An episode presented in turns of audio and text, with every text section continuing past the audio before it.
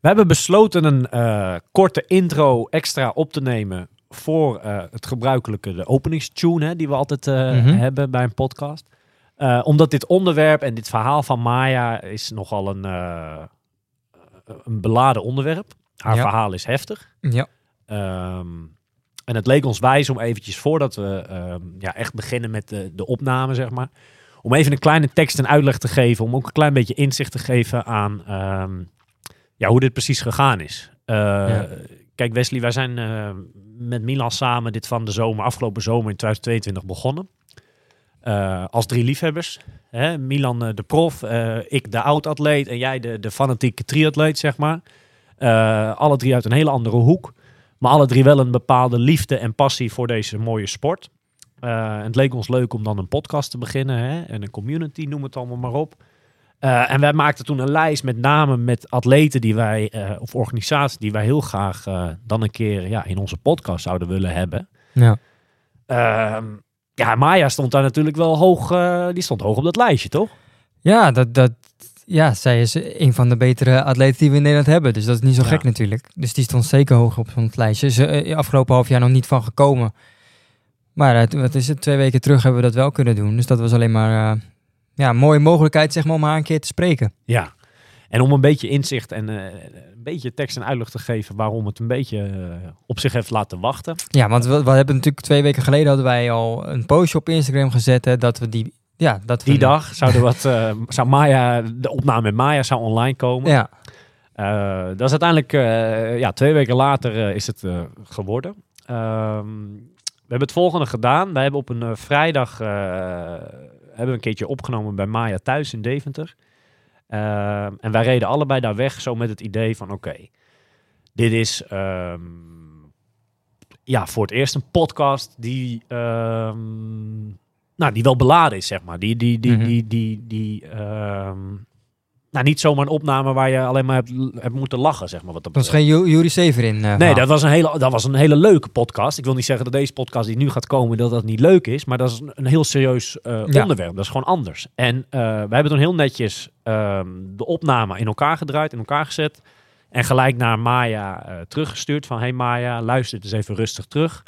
En laat ons even weten eh, of je achter elke letter die gezegd wordt, zeg maar, of je daar eh, achter staat. Ja. Nou, we kregen keurig twee dagen later al eh, groen licht wat dat betreft. Van nou, ik ben het, ik heb het gezegd, dus ik sta er ook achter. En jullie mogen ermee doen wat je wil. Ehm, en toen hadden wij bedacht, zeker ook omdat we toevallig in die week ervoor bij de Triathlonbond op Papendal te gast waren geweest. ehm, dat het ons netjes leek. Ook, ehm, ook in overleg met Maya. Hè? Zeker. Om ehm, een mail te sturen naar de, de bond. Hè, een aantal mensen daar. Met luister. ehm, zij waren op de hoogte van de opname die we gingen maken met Maya. Eh, bij deze hebben jullie alvast de opname. Jullie kunnen hem alvast luisteren. En over een aantal uur vanavond komt hij online. Ja, dat is een beetje hoe het gegaan is. Mhm. Ehm, ja, en, en binnen 10 minuten ging de telefoon eh, ja, met eh Torwald Venenberg, eh, de nieuwe directeur. Ja, die daar toch wel. eh, ja, hoe zeg ik dat netjes? Die, die, die, die, dat, eh, ja, die daar graag in over gesprek wilde gaan. Ja, nee, precies. Die had, die had een stuk van, het, van onze podcast geluisterd. En ja, die vond het fijn om ook zijn kant van het verhaal te vertellen, Ja, zeg dat maar. is het voornamelijk. Dat is het voornamelijk. En wij zijn afgelopen week zijn wij zelf eh, zonder opnamemateriaal en wat dan ook, dat hebben we wel aangeboden.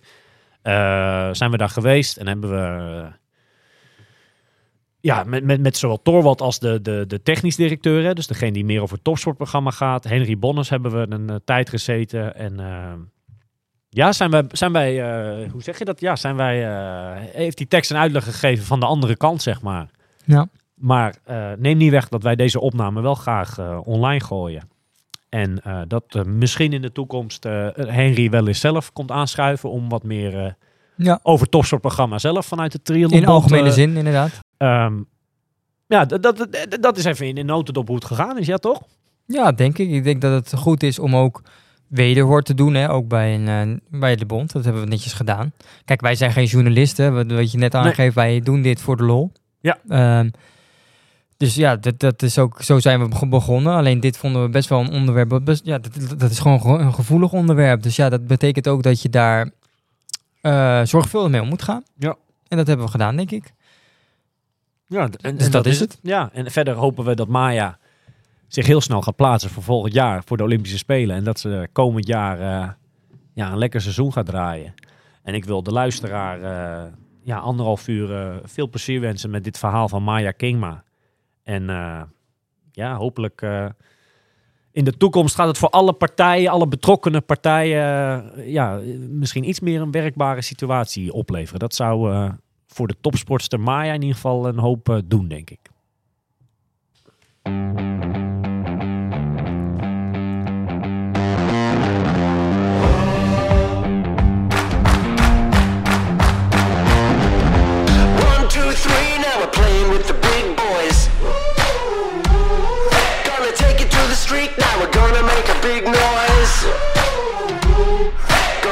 So high, now we're rising up. Are you ready now? Turn it up. Are you ready for this? Hallo, hallo. Goedemiddag, eh, Wesley de Does. Hoe is het met je? Ja, goedemiddag. Ja, prima. We hebben het wel eh, even laten lopen vanmiddag, hè? Ja, ik weet waar jij op doelt. Kippenpootjes met patat bijna, of niet? Bijna wel, ja. Bijna eh, een diner à la eh, ja. Ja, maar dat was even tussen de afspraken door. Ja, we moesten even langs de snelweg. We moesten eh, nog eten, we moesten... Er moest even geluncht worden bij de, de twee gele bogen, wat dat betreft. Ja, ja, dat klopt. Hadden we beter kunnen... Had beter gekund, achteraf Ja, gezien. er zat wel een beetje sla op de burger, maar... Ja, maar ook niet veel, hè. Nee. We waren nog getuigen van een ongeluk, hè, op de parkeerplaats. Ja, dat gebeurt. Er Ja. gebeurt een hoop bij dat soort restaurants. Ja. hey, we zitten in het... eh, ja, nou ja, in, in het mooie Deventer. Volgens mij is dat een hele leuke stad. Volgens mij ook. Ja. op bezoek bij, eh, ja, in de woonkamer van eh, niemand minder dan eh, Maya Kingma. Ja, en dit zijn toch, de, dat vind jij echt de leukste bezoekjes altijd, hè? Zeker. Dit, dit zijn de atleten... ehm, Nou ja, ja, atleten thuis. Ja, nou wat ik wel eens vertel, hè, als, ik een, als ik een training heb, dan kijk ik naar wedstrijden die dan op dat moment zijn. En dit, de wedstrijden waar Maya dan meedoet, dan, dan, dan ja, ik kijk dat, dat vind ik leuk. Ja, Hey, ik- als ik dan terugkijk naar Bermuda bijvoorbeeld, ja, dat vond ik heel vet om te zien. ja. En als je dan hier zo in de woonkamer bij iemand zit die die wedstrijden doet, dat vind ik wel mooi om, eh, om die verhalen aan te horen. Dus eh, Ja. in dat opzicht zijn het wel een mooie... En het leuke is dat, dat ook al dat soort atleten, die hebben ook allemaal hun eigen verhaal natuurlijk. En, en deze Ja. dame in het bijzonder, ehm, wij waren hier twee uurtjes terug al. We hebben nogal een voorgesprek gehouden. Ja. Ehm, want er is nogal wat de laatste jaren ook eh, ja, rondom Maya gebeurd. Eh, we gaan het er allemaal over hebben. Maar laten we er gelijk ook gewoon erbij halen, hè, want anders Ja. is het ook zo gek. Maya, een hele goede middag. eh, en wat tof dat we hier welkom zijn. Ja, goedemiddag. Ja, dankjewel. Goed, eh, goed dat jullie er zijn. Leuk. Ja, nou ja, dat is allemaal gezellig natuurlijk. Eh, volgens mij hadden we ook eh, op WhatsApp eh, contact van, we keken er ook wel naar. Want wij kennen elkaar stiekem best wel al een tijd, hè? Ja, ja, ja, tien jaar denk ik Zoiets, sowieso. ja. Ja, Ja. leuk hoor. Jij stuurde laatst, hè, via, via, eh, via eh, je fysio, hè. Er kwam eh, er een foto bij mij terecht van in Portugal, eh, heel lang geleden. Hè? ja, ja. Een ETU Cup in Portugal. Ja, leuk hoor. Ja. Hey Maya, eh, het is nu eh, ja, februari 2023. Het seizoen... eh, ja, staat het een beetje op punt te beginnen? Voor jou valt dat nog wel mee? Nee, valt nog wel mee. Ja, Ja. Naar aanleiding van vorig jaar, wat toch een, eh, een heel lang seizoen eh, voor Mhm. de ja, World Triathlon Serie atleet is geweest. Eh, het eindigde pas eind november. Ja, eh, waarop ik toch wel eindigde met een blessure. Eh, Ja. Dus eh, ja, dan heb je eerst eh, toch een paar weken off-season. Maar dat was voor mij ook, eh, wat is er nu allemaal aan de hand? En Mhm. eh, toch MRI-scan en dergelijke maken. Dan revalideren. En eh, daarna ben ik vier weken flink ziek geweest. Dus eigenlijk heb ik pas mijn eerste vier weken training erop zitten. oké. Dus mijn eerste wedstrijd gaat ook Abu Dhabi, waarmee we normaal af zouden trappen in maart, ook niet zijn. Nee. Dus ik begin waarschijnlijk pas in mei. Ja, Oké, dus dan heb je nog even lekker... ja, ja precies. Zit je er wat dat betreft wel een beetje lekker in nu deze weken al? Ja, eigenlijk wel. Ja, Ja? ik ben eh, eigenlijk, ik zat nog aan de antibiotica-kuur, maar het ging gelukkig heel veel beter. Eh, en toen ben ik naar uh, Lanzarote gevlogen. Eh, dus ik heb daar de luxe om eh, af en toe met eh, Anne Hoog te trainen. Ja. Ja. En eh, ondanks dat het gek is dat het die eerste week training is, nou eigenlijk acht weken helemaal niks. Ehm, en dus de eerste week heel rustig is. Dat je denkt, maar ik wil die lange duurritten weer gaan doen, zeg Ja. maar. eh, was mijn trainer uh, Koen dan een overal uh, triathlon coach wel van nee, nee, nee, nee, nee, nee. We beginnen even rustig. Gaan we gewoon elke dag een uurtje fietsen. Dus, maar, maar binnen drie weken zat ik gewoon weer ja, richting de 30 uur trainen. Dus Zo. Ja, alles rustig. Degene die me alles toe volgen of eerder uh, me gesproken hebben of zo, die weten dat ik heel rustig train. Ja. Dus ja, dan kan er ook weinig uh, fout gaan. Maar daar ben ik gelukkig nu wel weer, uh, weer terug. Want je was daar met Anna Hauk, dat, dat, dat doe je vaker volgens mij, hè? Ja, ja, ik ben ook vorig jaar inderdaad uh, met haar naar Lanzarote geweest, dus in Club La Santa. Dat, Hm. uh, ja, dat is gewoon echt uh, triathlon paradijs, zeg maar. Ja. En uh, ik kan het met haar heel goed vinden. Ik ben in 2016 ook uh, in Saarbrücken geweest, waar zij traint, nog steeds woont ook. Toen was ze nog uh, wereldkampioen uh, korte afstand. Ja. Uh, nu natuurlijk, nou ja, ex-wereldkampioen lange afstand. Maar daar heb ik haar eigenlijk leren kennen en ook haar coach Dan Lorang. En heel veel van geleerd. En ja, goede, goede klik hadden we eigenlijk. Dus toen zij uh, weer dacht, nou, ik kan wel een trainingsmaatje gebruiken hier uh, in Lanzarote, heeft ze mij toen gevraagd om mee te gaan. En dat was natuurlijk een hele mooie kans voor mij. Ja. Ja. Waren er nog meer atleten, bekende atleten die, die toen trainden? Um, ja, Lucy Charles Barkley is er even geweest. Ja. Uh, ik geloof dat nu dit lef er ook is. Dus uh, ja, er lopen altijd wel wat, uh, wat topatleten rond. En ik geloof zeker aan de andere kant van het eiland kreeg ik heel veel berichtjes van Nederlanders die zeiden: Oh, maar ik ben er ook bij. Nee. Wanneer ben jij er? Dus ja, dus ook Juri Keulen was er op dat moment. En, uh, Dat is altijd ja. leuk, dat soort berichtjes. Hè? Want je kan er eigenlijk ook net... Ja, of misschien een keer samen trainen. Maar je kan er ook net niks mee. Want wat kan je samen gaan doen? Ja, samen uit eten of zo. Maar ja, je zit in je resort. Wat ga je... Ja. Ja. Ja. En maar even heel cliché, hè? Maar ehm, kan dat een beetje samen? De twee verschillende... Jij bent natuurlijk meer een ITU-atleet, hè? Ja. De korte afstand. Ja. En zij dan nu de wat langere. Valt dat een beetje samen te combineren? Of is dat lastig? Ehm, nou, we, het is daar vooral toch wel eh, eat, sleep, train, repeat, zeg maar. Ja. Eh, dus het is heel leuk dat we gewoon eh, samen ontbijten en eh, samen avondeten en Ja. eh, de avond samen vullen, samen in de reboots of eh, de Ja. recovery of iets dergelijks. Eh, maar meestal gingen we ook al samen zwemmen. En zeker omdat voor mij de opbouwweken waren. Ja, voor mij is bijvoorbeeld 1,20 pace eh, ja, gewoon duurtempo. Maar voor haar is dat haar droom race pace eh, Mhm. met zwemmen tempo. je dan, ja, hè? Ja, ja, oké. ja. Ja, ja, dus ja, dat is super leuk dat ik haar dan gewoon, als ik bijvoorbeeld een duurset heb van zeg wat eh 4 keer 400 of zo. Ja, dan kan zij eh, met, Ja. overleg ze even met haar zwemcoach van, hé, hey, mag ik morgen misschien race pace training doen? Want dan kan ik bij mij aan de voeten mee. Tja. Dus eh, ja, op die manier doen we dat bijvoorbeeld. Maar ook met eh, lange duurrit of zo. Ja, Mhm. ik bedoel, zij traint ook gewoon rustig is rustig. En Ja. eh, voor mij is rustig trainen ook heel rustig. Ja. Dus zulke soort dingen kunnen samen. Maar bijvoorbeeld lopen of zo, ja, dat doe ik niet. Maar, ja. En zo, en zo Lucy Charles, die was er dan ook. Heb je daar Ja. dan ook contact mee als die daar is? Of? Eh, niet veel. We hebben een paar keer gezien, maar ze was ook maar heel kort. Dus Oké. eh, ze is eh, volgens mij heel druk bezig met eh, haar sponsoren bezoeken. En eh, naar Japan voor Essex. En Ja. eh, dingen voor haar eh, Cube nou, geloof ik. En, eh, dus ze is er ook maar heel kort geweest. En dat was ook het weekend dat wij naar Nice zijn gegaan voor de Global Triathlon Awards. Ja. Dus, eh, Was dat leuk? Ja. Ja, was wel leuk. Ja, Mhm. ja het was eh, natuurlijk ook een try-out voor hun, Ja. voor al de organisaties. Maar het was wel heel leuk om iedereen daar te zien. En eh ook haar als atleten, die eh, bijvoorbeeld Ashley Gent of zo, die ken ik natuurlijk ook van de korte afstandwedstrijden. Ja, dus het om was die even terug te leuk, zien dan eh, of ja, zo. Ja, Ja. precies. Ja. En iedereen natuurlijk in eh gala-kleding te zien. Ik, ik, de eerste keer dat, eh, dat Christian langsliep, dacht ik, is dat dan? Eh, en de, pas daarna, oh, dat is Christian. zeg maar, omdat je toch, ja, je bent zo gewend dat iemand... eh nou ja, sportkleding. Ja, ja, Ja, ja, ja, ja, ja. ja. Ja, Ja. lachen. Jullie hadden een duurloop met z'n allen gedaan, toch? Of zo? Zag je? Ja, ja, klopt, ja. Giller. Ja, ja, ochtend erna. Dat was wel een kort nachtje, maar eh, Ja. wel leuk. Ja, gezellig. Ook om eh, gewoon daar wat, eh, wat Franse atleten en eh, jeugd en zo. En dat vind ik Ja. altijd wel mooi als je daar eh, ja, Ja. wat mee kan doen. Hey, maar dus je, al met al heb je nog, ben je op de, op de goede rit, zeg maar. Je hebt nog even de tijd eh, om wedstrijd ready te raken voor komend jaar. Ja, precies. Ja. En ik heb vanochtend net eh, mijn eerste keer een half uurtje weer hard gelopen. Dus eh, ook dat eh, begint ergens. Ik zit bijna op mijn oude niveau. Maar heel veel langer loop ik normaal niet. Dus eh, ja, En maar toch, hè, want voordat we dan eh, beginnen aan eh, het begin van je carrière, want ik ben benieuwd ook daarna natuurlijk. Eh, maar ik weet dat van jou, ik heb dat wel eens gehoord dat jij heel weinig loopt.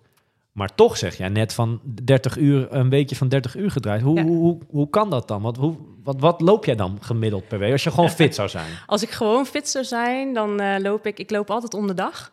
Dus de ene week is dat maar drie keer en de andere week is het vier keer. Ja. Ehm, maar eh, 30, max 40 kilometer per week. Dan ben ik echt wel in vorm als ik dat doe. Ja. Ja, ik vind het heel interessant. Want ik zit, hier veel. ze- nee, maar ik zit hier zelf natuurlijk ook eh, met, met, met blessures. Zit ik hier ook met dat om de dag. En dan moet ik vaak aan jou doen. Want ik heb dat wel eens gehoord inderdaad, ja. Maar is dat omdat je meer niet aan kan? Of omdat dit gewoon werkt? Ehm, nou, vooral omdat het werkt. Ja? Ehm, en het idee was, is ook misschien wel om dat wat uit te breiden. Maar als ik het nu ga uitbreiden, ga ik vooral gewoon de dag dat ik loop misschien wat langer lopen. Of misschien Ja. wat kwaliteit erin stoppen. Ehm, maar ik, ja, ik, ik- uiteindelijk zijn we als triatleten gewoon duursporters. Ook al Mhm. doe je de sprint of de OD-afstand. Mhm. Ehm, en gaat het dus gewoon om hart-longsysteem. Ja. En dat maakt eigenlijk niet uit hoe je het traint. Dus ik train gewoon heel veel op de fiets. En eh, dat betekent ook niet dat ik dan heel veel kwaliteit doe op de fiets. Ik doe gewoon vooral heel veel rustige uren maken. Dus bijvoorbeeld als ik in Lanzarote zit, ja, in de laatste week eh, fiets ik op zondag eh vijf uur en op eh, dinsdag vier en een half en eh, op eh, donderdag vijf en eh, de laatste dag weer vier of zo. Dat, Ja. dat zijn dan de uren die ik op de fiets zeg maar maak. En dan tussendoor ook nog wel gewoon Ja. de korte duurritjes. En helemaal niet zo heel veel gekke intervalsetjes, noem het maar op. Heb ik nog helemaal niet gedaan dit jaar. Nee, ja, oké, oké. Ik vind dit heel interessant. Ja, Want je zegt, ik zie aan alles aan jou, Maya, dat je er ehm, daar ook gewoon 100% achter staat. Achter die, Ja. die, die, die aanpak, zeg maar, eh, ja. Ja. wijs, verstandig, toch? Als dat werkt. eh, nou ja, kijk, dit moet uiteindelijk in de wedstrijden eruit komen. En als dat eruit komt, dan, dan ja, heb je het gevoel dat, je, eh, dat dat bij je past. Dus in dat opzicht snap ik dat wel. ja.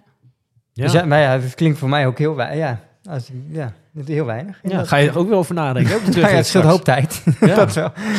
Hey Maya, laten we eens gaan eh, ehm, naar denk ik een heel interessant en ook leuk eh, onderwerp. Ehm, nou, de, de jonge Maya, zeg maar nog. Hè? Eh, hoe ben jij ooit, ja, het is een beetje cliché, maar in deze sport, deze prachtige triathlonsport, ja, hoe ben je daar ooit terechtgekomen? Want het is niet een standaard sport die de meeste kinderen op jonge leeftijd eh, laten we eens op triathlon gaan, zeg Nee. maar. Hoe is dat zo gekomen? Ja, Ehm, ja ik, ik ben eigenlijk, ja, het ligt eraan natuurlijk wat je jong hoort, eh, wat je jong vindt. Maar we hadden laatst een meeting met atleten die zeiden, ja, op mijn vijfde jaar ben ik eh, begonnen met triathlon of zo. Dan denk ik, wow, dat, dat is echt laat. jong. Ja. Eh, Of- of- laat, ja, laat, vijf jaar. vijf of vijftien? Vijf. Oh, ik verstond 15. 15 vind ik weer aan de late kant. Nee, 5 vind ik jong. Ja, Ja. zeker. Ja, precies, ja. Nee, Vijf. en eh, ik heb mijn eerste triathlon in 2010 gedaan, dus toen was ik eh, ook al 15. 15, ja. Ehm, en eh, ja, ik heb daarvoor eigenlijk heel veel sporten gedaan. Ik vond eigenlijk gewoon sporten leuk, vanuit Ja. mijn gezin meegekregen. Maar dat gaat wel echt van, van ballet tot voetbal tot judo. Oh, leuk. maar uiteindelijk toch vooral heel veel in het water. Dus ik heb een duiken gedaan, renksbrigade Mm. gedaan. ehm, en uiteindelijk dan ook kwam ik bij wedstrijdzwemmen terecht. Ja. En dat, nou, dat kon ik wel redelijk. Ehm, en op een gegeven moment werd ik een beetje gescout door nou ja, George Sieverding. Eh, wellicht een bekende naam, ook in de triathlonwereld. Mhm. Ehm, en ehm, ja, die zei eigenlijk van... ja, we gaan wel één keer per week... gaan we iets aan eigenlijk gewoon cardio-conditietraining doen. ja. En dat was dus eh mountainbiken. Toen de tijd nog vaak onder leiding van Rob Barel. ja. Ja. En, ehm, en hardlopen. ja. Eh, dus dat, dat denk ik eigenlijk één keer per week ging ik Maar dat was de bedoeling voor naast het zwemmen dan? ja, ja, dus mijn focus was toen ook nog gewoon nog steeds zwemmen. Ja. Eh, maar daar leerde ik wel wat triatleten kennen, zoals Eddie Lamers, die Ja, eh, bij, bijvoorbeeld bij Woest. Eh nou, Evert heb ik ook leren kennen, Rob natuurlijk. Allemaal in en rondom Zeist was dat, hè? Die ja, trainingen, hè? ja, zijn die? klopt, ja. En ehm, nou, toen werd eigenlijk een beetje, ook Cesar Bijlo bijvoorbeeld, Mhm, we hadden ja, het er ja. straks al even over. Ehm, ja, die deden eigenlijk altijd, eh, volgens mij is die zoals dit weekend, de triathlon, de duathlon, cross-duathlon in Etteleur. Etteleur, Ja, ja. dit weekend. ja, ja. En nou, dat is een superleuke wedstrijd. Ik kom natuurlijk uit Breda, dus dat is wat ik altijd dichtbij geweest. En eigenlijk ging het groepje triatleten, wat toen in Zeist trainde, ging daar altijd heen. En nou, ja, op een gegeven moment had ik dus zoiets van, ja, ik, ik doe dan wel geen triathlon of zo. Ik vond het altijd, eh, ik weet niet wat voor sport dat is, ik doe gewoon zwemmen. Ja. Maar ik deed natuurlijk wel eens in de twee weken hardlopen en de andere week eh mountainbiken. Dus ik dacht, Mhm. nou, ik doe gewoon eens mee. En eh, nou ja, zo ook dus in 2010 is dat geweest. Eh, en toen was het het NK voor de jeugd en junioren. En, Crossduathlon. eh, ja, crossduathlon. Ja. En nou ja, zoals ieder jaar deed ik daar ook mee. Ja. Ehm, en dat won ik toen binnen mijn leeftijdscategorie. En eh, Dus je viel op. ja, Ja. en zeker de omroep. En dat is Wim van den Broek geweest. Ja. Die, eh, die riep toen ook om van... Nou, deze dame kennen we eigenlijk vanuit het wedstrijdzwemmen. Meervoudig Nederlands kampioen Ja. open water zwemmen. Dus misschien is het iets voor de Triathlonbond. En op dat moment was inderdaad toen dit tijd Erik van der Linden ook... Mhm. voor de bond eigenlijk bezig met een Tri-Talent programma. Ja. En eh, toen kreeg je dus een uitnodiging van de bond, om, eh, van de Triathlonbond, om dat eens te proberen. Mhm. En eh, toen heb ik al altijd gedacht, nou, dat ga ik nog maar eens even bekijken. En we gaan wel eens even zien, want ik wil dat open water zwemmen en zwemmen gewoon eigenlijk blijven doen. Ja. Ehm, dat is uiteindelijk ook goed geweest, maar ook. Want toen ik in 2010 dan mijn eerste triathlon ging doen, eh, ik heb er twee gedaan. Het NK in Stijn, wat ik toen Mhm. ook bij mijn leeftijdscategorie won. En ik heb volgens mij nog in Alsmeer meegedaan. En toen werd ik geblesseerd. Dus eh, dat heeft ook weer twee jaar geduurd voordat ik mijn eh, derde triathlon deed. Oh. Ehm, maar toen in 2012 mocht ik dan wel als junior eh, naar het WK junioren in Auckland toen de tijd. Ehm, en daar werd ik dertiende. En nou, dat vond ik wel heel gaaf dat ik dan met triathlonsport internationaal mocht racen. En op een gegeven moment binnen het zwemmen, zeker het open water zwemmen in mijn leeftijdscategorie in Nederland, had ik gewoon niet heel veel uitdaging meer. Ehm, dus nou, toen dacht ik al, nou, dit is toch wel iets leuks, dat wil ik toch wel gaan proberen. En toen heb ik eigenlijk dat jaar ook nog wel, en het jaar daarna ook nog wel gezwommen. Maar op een gegeven moment dacht ik, oké, dat Echt de eh, overstap eh, ja, gemaakt. ja, ga ik toch wel doen. Ja. Ja. Ja, de bond was in die, in die jaren ehm, op zich super slim. Voor de korte afstand waren ze heel erg aan het vissen naar talent in eh, ja, de andere sporten. Hè? Dus, dus kijken van zwemmers, eh, Mhm. maar ook lopers op limietendagen. er waren echt limieten. Om te kijken of er niet eh, ja, talent uit andere... Maya is een perfect voorbeeld daarvan. Eh, Mark van der Stel bijvoorbeeld, die, die komt volgens mij ook uit... eh, Ja. Via dat traject is hij er ooit ingerold. Ja, uit andere sporten. Of dat niet wat was voor triathlon. Ja, ik vind wel... Ja, Ja, want ze, want ze zei het even snel net. Maar ze is dus meervoudig Nederlands kampioen open water zwemmen geweest. Ja. En op- hoe oud was je toen je dat deed? Eh, ja, het het was, eh, ik deed het al voor, voor 2010, maar dus eh, ja, eh 12, 13, 14, 15, eh, die leeftijd ongeveer. Oké. Ja. Ja, Ja. dus bij de junioren uiteindelijk wel. Ja. Hoe waren die eerste jaren voor jou verder? Je geeft net aan gelijk WK dan. Was dat junioren nog? Ja, ja, ja. Hoe waren die eerste jaren triathlon dan voor jou? Was het heel erg wennen? Of, of... Ja, heel erg. Ja, Ja? absoluut. Ja, ik, ik ben laatst nog eh, heb ik een presentatie gegeven bij, eh, in Utrecht bij eh, ja, het LABC eh, groepje daar en Hellas groepje. En toen heb ik als, als begin zeg maar, van de presentatie heb ik wat oude beelden opgezocht ook. Ja, Ehm, in een en dat, triathlonpakje? of niet? Nee, het was, het was op het EK ja. in, god, waar was dat? In Israël, Ja. in Eilat. En eh, nou ja, de eerste wissel eh, van het eh, zwemmen naar het fietsen... liep ik volgens mij voorbij mijn fiets. En vervolgens pakte ik mijn helm, maar zette ik hem dus met de voorkant op de achterkant op. Dus dat, dat was. toen zei ik ook: je kan prima daar beginnen, dat maakt niet uit. Dat deed ik ook tien jaar geleden. En ehm, in de tweede wissel bij de relay, de dag later, ehm, gooide ik mijn helm buiten de box. Of ik gooide hem in de box, maar hij stuiterde eruit. ja. En toen rende ik weg, maar ik had mijn loopschoenen nog helemaal niet aangedaan. Oh ja. Dus nee, toen ben ik weer teruggerend, loopschoenen aangedaan. Mijn helm ook maar weer terug in de box gegooid. Maar dat, daar, daar hebben we dus, daar zijn gewoon beelden van op YouTube. ja. Dus eh, dat, eh, nou ja, op, dat, op dat niveau ben ik Ja. inderdaad wel begonnen. Beginnersfoutjes, zeg maar. Maar die mogen ook, toch? Ja, absoluut. Ja. Fouten zijn er om van te leren, wat dat betreft. Ja. Ja. Maar wie had, wie had in die tijd dan gedacht dat we nu, nu eh, tien jaar later... Nou ja, je uitslagenlijst, je, je sportcv, om het maar zo te noemen, die, die, hè, die, die, is, ja, die is erg mooi. Ja, wie had gedacht dat, dat dit het resultaat zou zijn tien jaar later? Dat is nogal wat, hè? Ja. Ja. Heb, jij, heb jij die droom altijd gehad, zeg maar, om in die, in die sport te blijven? En ja, hoe, wat was jouw doel, zeg maar, in die sport? Eh, ja, helemaal niet eigenlijk. Nee, ik, ik heb nooit eh, heel ver toekomstgericht gedacht. Of, of in ieder geval niet op die manier dat ik dacht, eh, wat bijvoorbeeld wel veel atleten natuurlijk hebben. van ik wil ooit naar de Olympische Spelen of ik wil ooit een WK-medaille halen of zo. Dat, dat heb ik niet, heb ik ook nooit gehad. Ehm, dus eigenlijk toen ik daarmee begon, dacht ik gewoon, ik ga gewoon kijken of ik het leuk vind. Ja. En nou ja, op een gegeven moment bleek ik het leuk te vinden, maar dan dacht ik, oh, oké, maar nu, en zo werk ik nog steeds, is het gewoon, waar kan ik mezelf op verbeteren?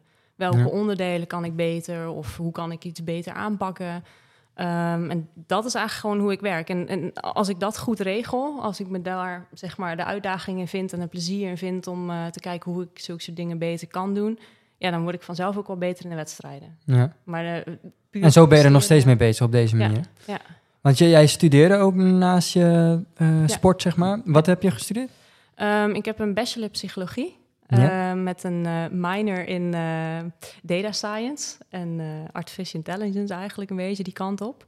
Ehm, en ik heb daarna een master cognitieve neurowetenschappen gedaan. Kijk. En maar daar, daar heb je, nou ja, de- door die sport heb je daar nu, nu natuurlijk nog niks mee gedaan uiteindelijk. Nee, klopt. Nee, dus ik ben eigenlijk in eh, 2020, in het COVID-jaar, even goed gebruik van gemaakt en afgestudeerd. Ja. Ehm, en eh, toen was inderdaad van, ja, wat ga ik nu doen? Ehm, want ja, het was nou ja, voor ieder atleet natuurlijk een beetje onzeker hoe het zat met COVID. En ik moest dan wel mezelf gaan kunnen onderhouden met de sport, als Ja. ik niet zou gaan werken. Ehm, maar gelukkig eh, ja, werd, werd ik toen in ieder geval zesde op het, eh, even het, het eendags WK, zeg maar, wat in Hamburg werd gehouden. ja. Dus ja, toen dacht ik, oké, als ik dat volgend jaar door kan zetten, dan kan ik waarschijnlijk in ieder geval wel leven van de sport. In ieder geval eh, basic leven, zeg maar. Dus dan ga ik dat eerst proberen. En eh, nou, dat lukte. Dus Ja, ja, eh, ja, ja, Het is nooit, dit, tenminste, dit is nooit geweest van ja, ik, moet ik, nou ja, door, je hebt die zesde plek natuurlijk gehaald, maar nooit gedacht van nou ja, ik heb nu die studie gehaald, ik ga gewoon me richten op die ja, maatschappelijke carrière, zeg maar. Nou ja, op het moment dat ik net was of ging afstuderen, zeg maar, mijn thesis inleverde en zo, toen dacht ik wel, ja, nu moet ik het wel gaan doen in de sport. Want Ja. ik heb geen geld om, om dat maanden op te vangen of zo. Nee. Dus ik heb me toen wel georiënteerd op wat ik zou kunnen gaan doen. Ja. Ja, ik, ja, ik vind het mooi, eh, mooi om te horen. Want ook dat, na die studie dan, of tenminste dat je zegt van nu moet die sport dan moet wel wat gaan brengen. Nou ja, de, de uitslagen, je zegt het net zelf al gelijk, eh, eind van dat jaar eh, in Hamburg een zesde plek. Maar daarna, ik kom bijna geen dubbele cijfers zeg maar tegen eh, tot aan nu. Het is wel, eh, ja, je bent echt gegroeid naar die wereldtop gewoon. Dat is wel super gaaf natuurlijk. Ja, Toch? ja dit is, dit en is ook niet één keer en zo, hè? Dat, dat vind ik het stoere eraan. Het is ook niet een, een eendagsvliegen wat dat Nee, betreft nou, ik denk als, zij, als, als mij op de startlijst staat, dan, eh, Schrikken er wel wat mensen. dan, dan worden mensen niet heel blij, denk ik. Ja. Sommigen wel. Nee, ja, nee de, de, de- i- i- nou ja, ik vind het leuk om te zien natuurlijk. En, en zo zijn er meer mensen. Maar Ja. Ja, het is toch wel hard gegaan dan in dat opzicht. Ja, Ja, zeker. ja. Zeker, zeker. Als we even teruggaan naar die, die juniorenjaren, hè, dus zeg maar jouw eerste jaar in de triathlonsport. Was het wel eigenlijk elk jaar al raak dat je naar kampioenschappen toe mocht? Zeg maar Europese kampioenschappen, WK, was dat altijd al? eh? Eh, ik ben wel naar veel kampioenschappen geweest, maar ook niet altijd. Eh, Mhm. Dus inderdaad in 2012 eh, nou ja, voor het eerst EK Ja. en WK. Ehm, maar ehm, ja, ik ben toen in 2013 was ik ook klaar met mijn VO-diploma in Breda. Ja, En toen ben ik ook verhuisd naar Sittard. Ehm, best en- snel al, toch? Ja, ik was 17 ook pas. Dus eh, ja, dat was ook wel een moeilijke periode. Want eh, sommige mensen weten het misschien, maar als je 17 jaar bent, dan krijg je nog eh, geen studiefinanciering. Nee. Je krijgt geen huurtoeslag, je krijgt geen zorgtoeslag. Nee. Dus je moet het doen met de kinderbijslag. en eh, da daar red je het niet helemaal mee. Nee. En eh, ja, mijn ouders hebben daar heel veel eh, aan gedaan om dat wel voor mij te kunnen betalen die jaren. Of dat eerste jaar, zeg maar, eerste paar maanden. Ehm, maar ja, ik wilde ook wel gewoon gaan studeren. En dat had ik ook nodig, want ik had mijn studielening nodig om het eh, Ja. allemaal te betalen. Ehm, Was het die combinatie dan ook? Dus zeg maar studie, keuze voor studie en het sporten om naar Limburg te gaan? Ehm, ja, het, het is zo, ik- was, is, ik denk dat het nog steeds een beetje zo is, dat het zo normaal voelt om naar zo'n nationaal trainingscentrum te gaan. Mhm. En omdat je toch het idee hebt, zeker als je nieuw bent in de sport, maar ook als je er eigenlijk niet zo heel nieuw in bent, dan denk je dat dat de Daar place je- to be ja, is. dat klopt. Ja, Ja. ja, ja. Dat sfeertje hing er, eh, dat was in die jaren inderdaad wel, ja klopt. Ja. Dat, dat, eh, dat Ja, klopt. ja, dus ik, ik, ik, ik hoorde dat gewoon en ik kreeg de uitnodiging eigenlijk al een jaar eerder. En toen had ik wel, en ook mijn ouders zeiden heel duidelijk: nee, echt niet. Je gaat in ieder geval je middelbare school hier gewoon afmaken. Ja. Eh, Ik ben heel blij dat ik dat ook gedaan heb. Financieel had het ook niet mogelijk geweest om het anders te doen. Ehm, en ik wilde ook gewoon gaan studeren. Ja. Eh, want ik, ja, god, het was, mijn, wat was het, mijn derde jaar triathlon. Mijn tweede jaar in het echt jaar eigenlijk. Ja. Ehm, dus ik, ja. ehm, alleen, ehm, het was toen de tijd, en dat is nog steeds wel een beetje lastig, ehm, niet helemaal toegestaan, of gewoon niet toegestaan eigenlijk, om te gaan studeren. Ehm, dus ik was heel enthousiast dat ik erheen mocht. Eh, ik wist ook dat ik moest gaan studeren, want anders kon ik het niet betalen. Ehm, maar dat, dat, er zijn nog wel wat gesprek, de nodige gesprekken over gevoerd. In het begin gelijk toen al daar. Ja, ja. Je bedoelt, je, het was niet eh, vanuit, de, vanuit de bond, vanuit NTC was het niet ja, Nee. gewoon om dan nog een studie te hebben Nee, daarnaast. nee, het was wel echt gewoon topsport op één. En ehm, ja, dat, dat is het, eigenlijk was toen wel het argument eerst van... nou, dan ga je maar naar de Open Universiteit. Ik zei, ja, eh, eh, Mhm. leuk bedacht, maar dan moet ik nog verder reizen... als ik een keer een examen moet doen. Ja. En daar krijg je geen studiefinanciering voor. Ik zeg, en die studiefinanciering heb ik nou net nodig... om, Om dit de te financieren. betalen. Ja. Ja, dus uiteindelijk is dat ook wel de reden geweest dat ik het mocht doen. Eh, maar dat heb ik jaren en jaren ook wel gehoord. Dat als het even een keer niet goed ging, dat dat door de studie kwam. Ja.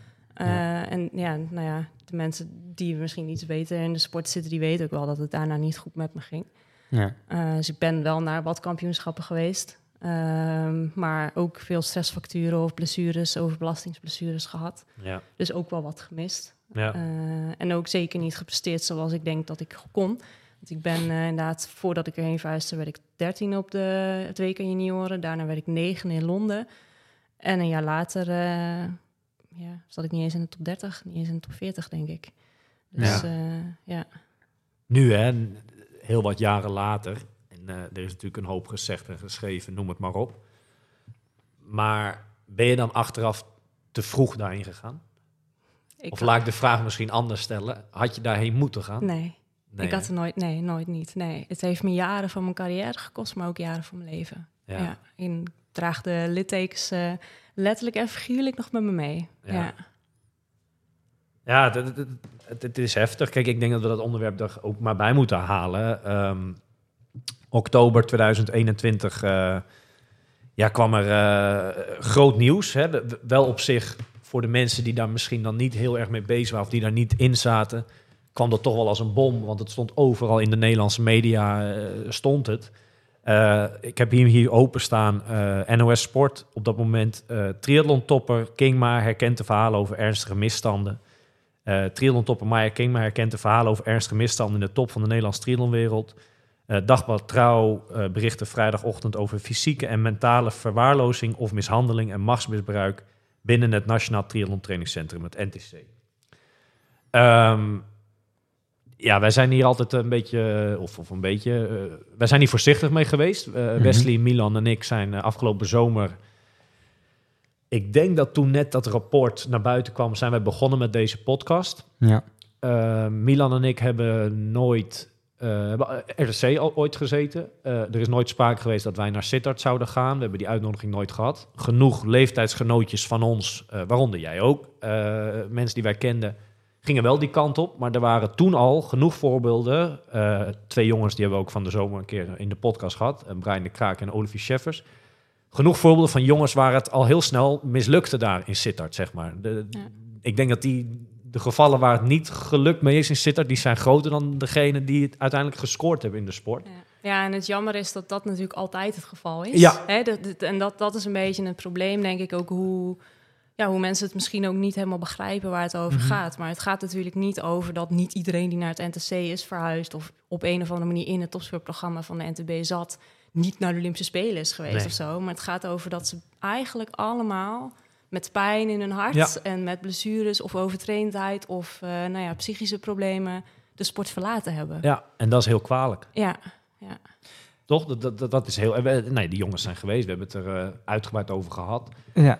Ehm, ja, hoe, kijk, er is zoveel over gezegd en geschreven. En ik neem aan dat dit een hele grote impact eh, de laatste jaren op jouw triathlon-carrière überhaupt natuurlijk heeft gehad. Nou, niet alleen dat, maar ook op haar leven. Absoluut. Absoluut. Hoe, la- la- laat ik het eerst. Hoe lang ben jij nu weg uit Limburg? Uit Limburg pas een half jaar. Oké. Maar dat, eh, dat ja, hoe, hoe gek dat ook klinkt, dat is ook wel echt een opluchting. Ja. Ik ben heel blij dat ik eh, daar niet meer eh, op bepaalde plekken of zo, waar je toch eh vervelende Herinneringen, herinneringen, ja, ja. aan hebt, nog zie. Ja, Mhm. ja. En, Maar, en echt uit het NTC, dat dat zeg maar je laatste training binnen het NTC geweest. Wanneer is dat? ehm, ja, bin- binnen het NC, uiteindelijk ben ik eind 2016 weggegaan. Ja, dus dat is ook al wel weer even geleden. Ja. Ja. Maar altijd natuurlijk met dezelfde mensen, dezelfde staf, noem het maar op, rondom wedstrijden waar jij uitkomt namens de bond. En dat is in jouw geval bijna elke wedstrijd volgens mij, toch? ja. Eh, heb je altijd met hun te maken gehad? Ja, ja, en sowieso met de bond. Eh, dus ja, we hebben in Nederland ook wel zo de sport ingericht. En dat is ook gewoon een feit hoe bijvoorbeeld World Triathlon, eh, dus de internationale federatie, eigenlijk functioneert. Dat de bonden eigenlijk alle macht hebben. Dus je hebt wel echt het monopolie van atleten inschrijven. eh, nou ja, wat, wat voor kleding we dragen bij de wedstrijden. Of welke Ja. tri-suit we dragen en hoe dat eruit ziet. Dat is allemaal de bond. Dat is allemaal de bond. De bonden. In, Ja. in dat opzicht ben je natuurlijk sterk afhankelijk. En hadden zij ook een bepaalde positie waar zij natuurlijk ja, op een of andere manier ook gebruik van konden maken. En dat is Ja. het vaar. Ja. Ja. Ja. Kijk, eigenlijk, ehm, als jij langer gaat doen dan, dan ja, de, de korte afstand, zeg maar, dus eh, halves of, of, of langer, Ja. dan heb je bijna niks met de bond te maken. Of dan heb je niks met de bond te maken, eigenlijk. Dan kan je, jij bent, je, je bent lid bij de bond, want je hebt wel Hmm. een lidmaatschap eh, nodig vaak. Ja, net als iedereen, maar Maar verder, eh, inderdaad, als jij een, weet ik veel, een World Cup, of dan, dat zal allemaal via de bond moeten gaan. Die inschrijving, noem het maar op. Jij kan daar niet zelf heen, eh, lijkt mij, toch? Dat, nee, eh, nee, nee, alleen al inschrijving doet de bond. Ja. Ja, ja. en Kijk, dat, dat is inderdaad... Waar jij nu, eh, wij gaan naar Gran Canaria over twee maanden. Dat hebben we helemaal zelf geregeld. Daar heb je geen bond voor nodig. Toch? Je, je boekt Nee. zelf je vlucht, je, je schrijft zelf in en that's it. ja, nee, dat klopt. ja. Ja. Dus ja, dat, wij hadden van de week een discussie een beetje over eh, de, de Nederlandse triathlonbond en de lange afstand. Maar dat, dat is niks. Tenminste, daar is bijna niks Nee. van. Ik weet dat jouw mening daar anders over is, maar... Ja. Nou ja, ja, daar heb ik een mening over. Maar ja, het is eh, zoals het nu is. En eh, dat is, kijk, wat Maya ook zegt, dat die afhan- afhankelijkheid, en zeker voor eh, de Olympische afstand en, eh, en de kortere afstanden, is dat gewoon best wel, eh, ja, e- dat is enorm. Ja, nee, en het is denk ik heel jammer inderdaad dat er vanuit de bond gewoon weinig ondersteuning is voor de lange afstand. Ja, Maar het is wel heel mooi en uiteindelijk het beste voor de atleet. Ehm, dat hij of zij zijn eigen trainingsprogramma en zijn eigen team en zijn eigen staf en zijn eigen Ja. wedstrijden kan kiezen. Hè, en het zou inderdaad als bond zou het super mooi zijn als we dat in de breedte en in de top wat beter kunnen ondersteunen. Net als Ja. alle andere disciplines die we hebben binnen de bond. Maar het controlerende en het toch wel uitoefenen van de macht die zij hebben, ja, dat levert heel veel problemen op. Want eh, wat je nu zegt, hè, de, de macht inderdaad. Hoe oud uh, uitte dat zich bij jou? Kan je daar eens een voorbeeld van noemen? Ja, eh, nou ja, ik, ik denk inderdaad, het eerste voorbeeld was al dat eh, bijvoorbeeld mijn studiekeuze, of, of ik überhaupt ging studeren of niet, heel erg beïnvloed werd.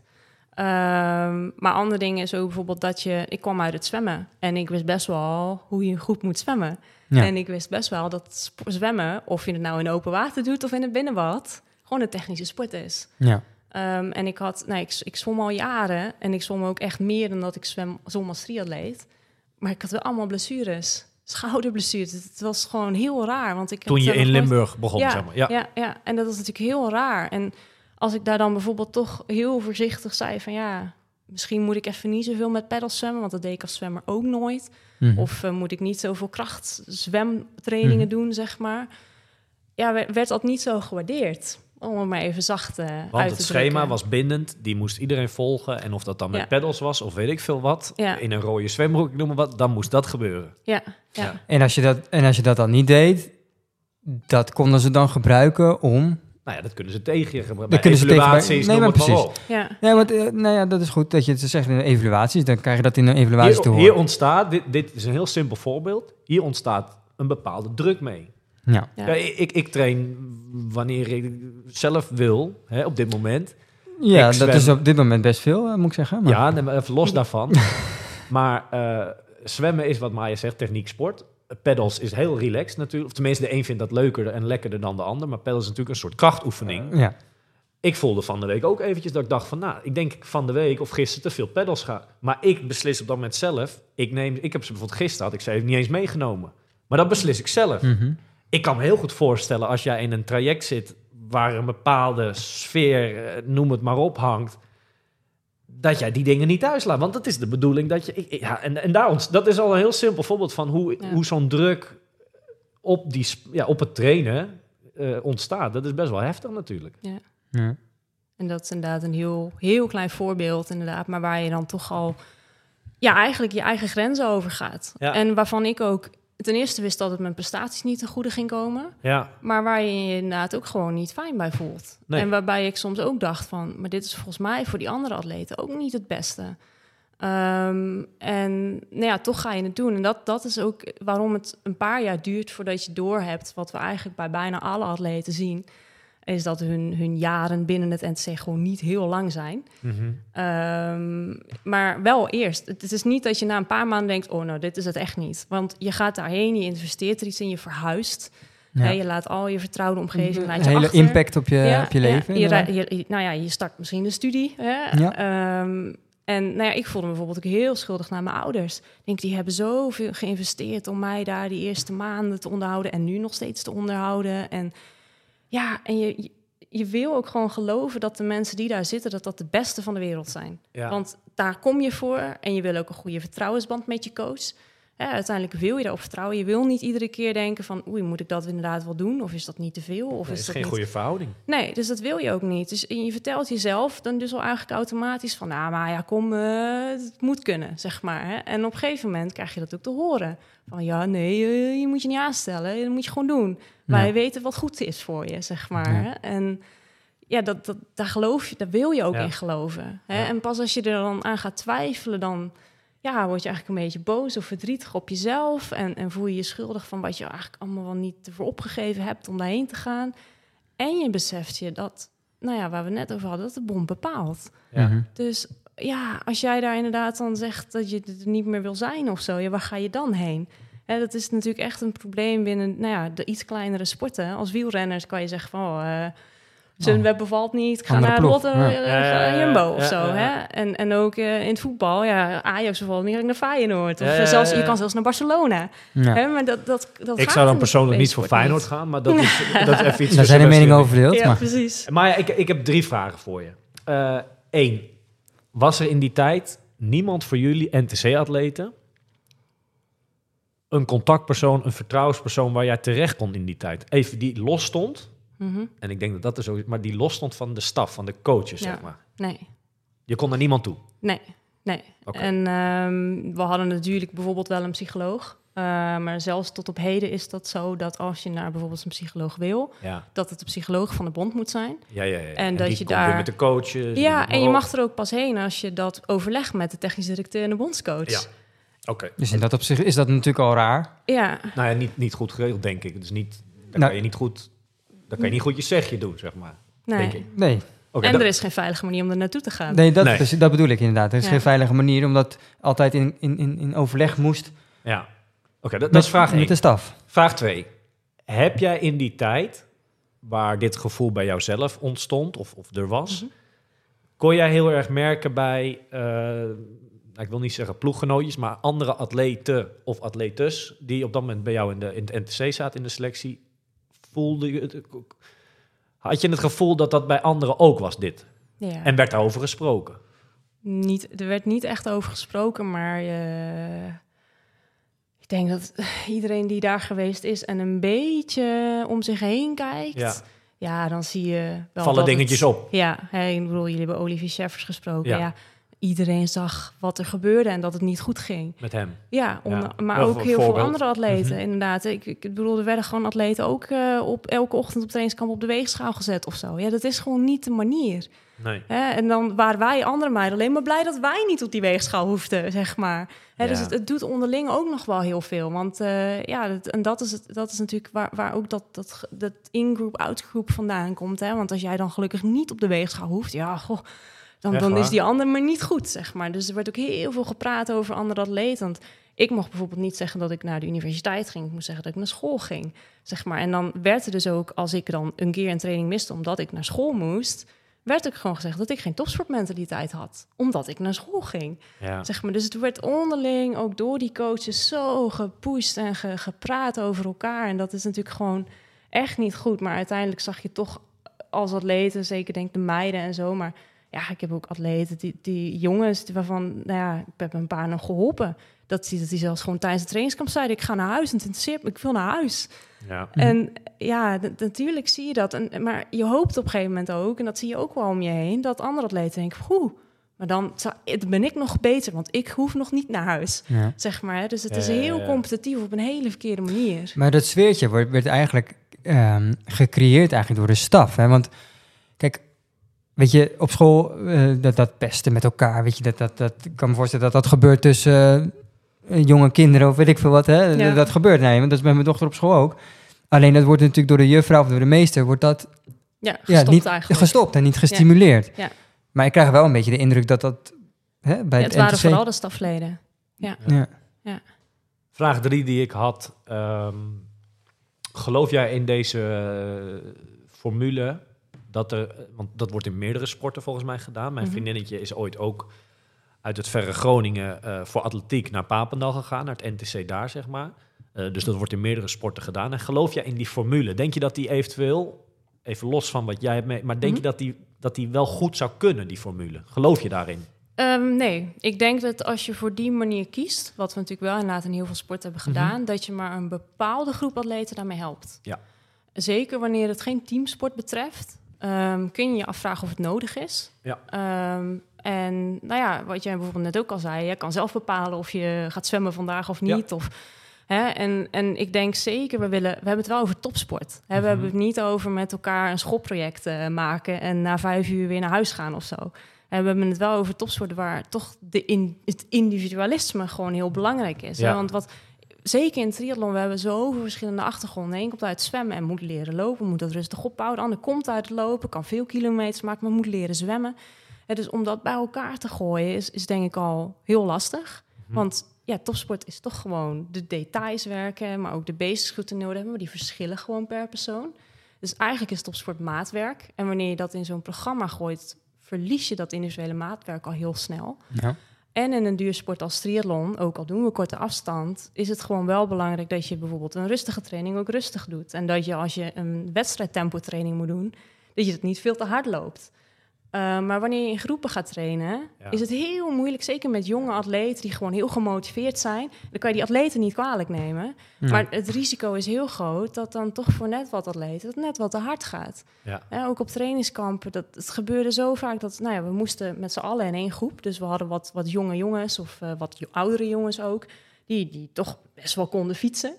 Maar als eh, de eerste, de jongste junioren dame moest daar ook bij mee. Dus het gebeurde Ja. heel vaak dat, dat, dat, die, dat die meiden gewoon moesten lossen. Tuurlijk. En dan zit je ergens in Spanje en de coaches rijden op kop en die hebben het niet eens door. En er wordt regelmatig geroepen, we moeten rustiger, we moeten rustiger.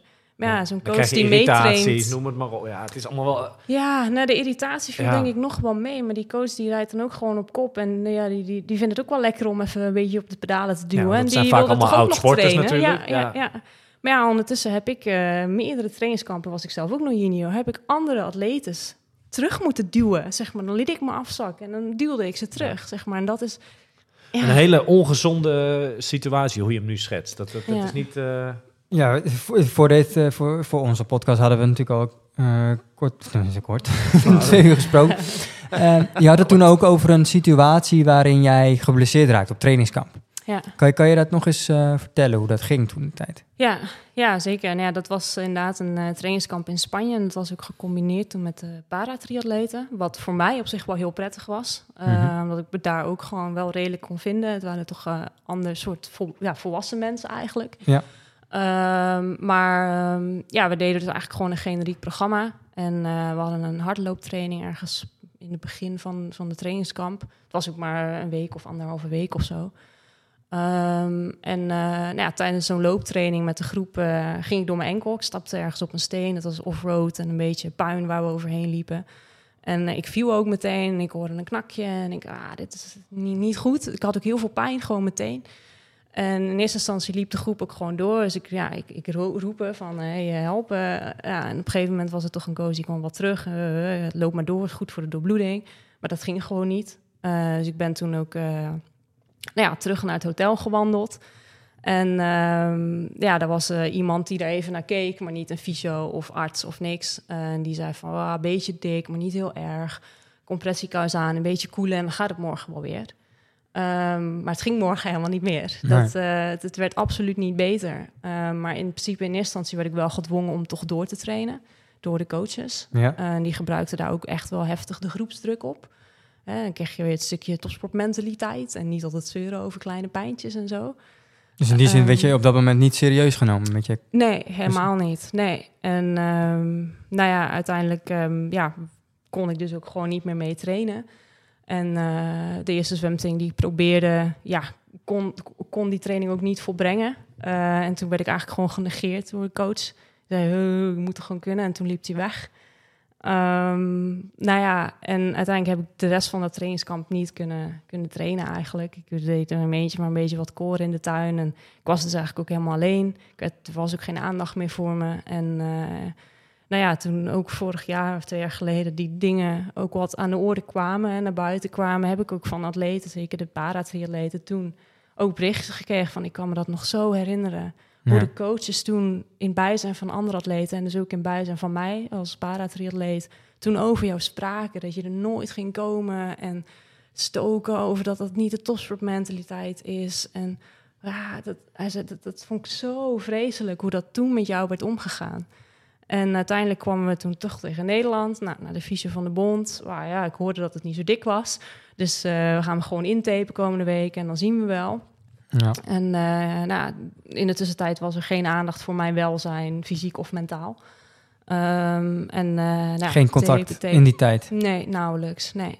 En eh nou, tapen, tapen. Op een gegeven moment viel mijn huid zo ongeveer af van de tape... wat ik eh, elke dag eh, erop en eraf had. En ehm, nou ja, toen weken later eh, was het oké, je moet nu weer kunnen lopen. Enkelband duurt vier tot zes weken, dus we gaan het weer proberen. Nou, dat ging niet. Toen was op een gegeven moment, oh, dan is het waarschijnlijk de kleine bandjes... die zijn wat minder goed doorbloed, dus dat duurt zes tot acht weken...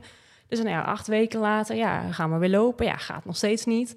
En eh, toen zei ik wel, ja, ik wil een second opinion. Want ik, ik, of ik, eigenlijk zei ik nog, ik wil gewoon een foto laten maken. Ja. Maar ja, toen kreeg ik wel eh, van de bond te horen dat dat eh, niet nodig was. Want het medische staf van de bond achter dat niet nodig. Want ja, er was niks aan de hand. Ja. En toen zei ik wel van ja, oké, maar het gaat nog steeds niet. Acht weken later kan ik nog steeds niet dribbelpasjes doen in de hal van de fysio. Eh, en toen zei ik, ja, dan wil ik toch een second opinion en wil ik een foto laten maken. En, en toen kreeg ik wel het dreigement eigenlijk toch, zeker hoe ik dat nu eh, ook achteraf zie.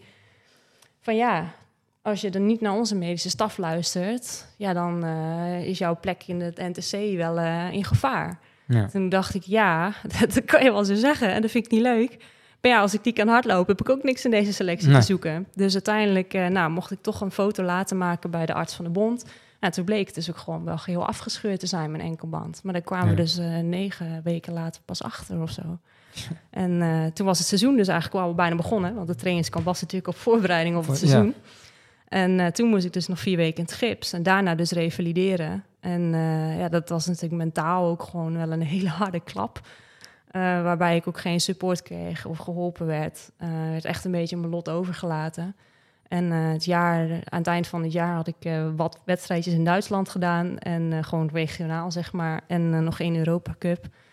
En toen was wel de jaarevaluatie dat ik het inderdaad niet, ja, niet goed gedaan had. En niet eigenlijk voldaan had aan de NTC-eisen.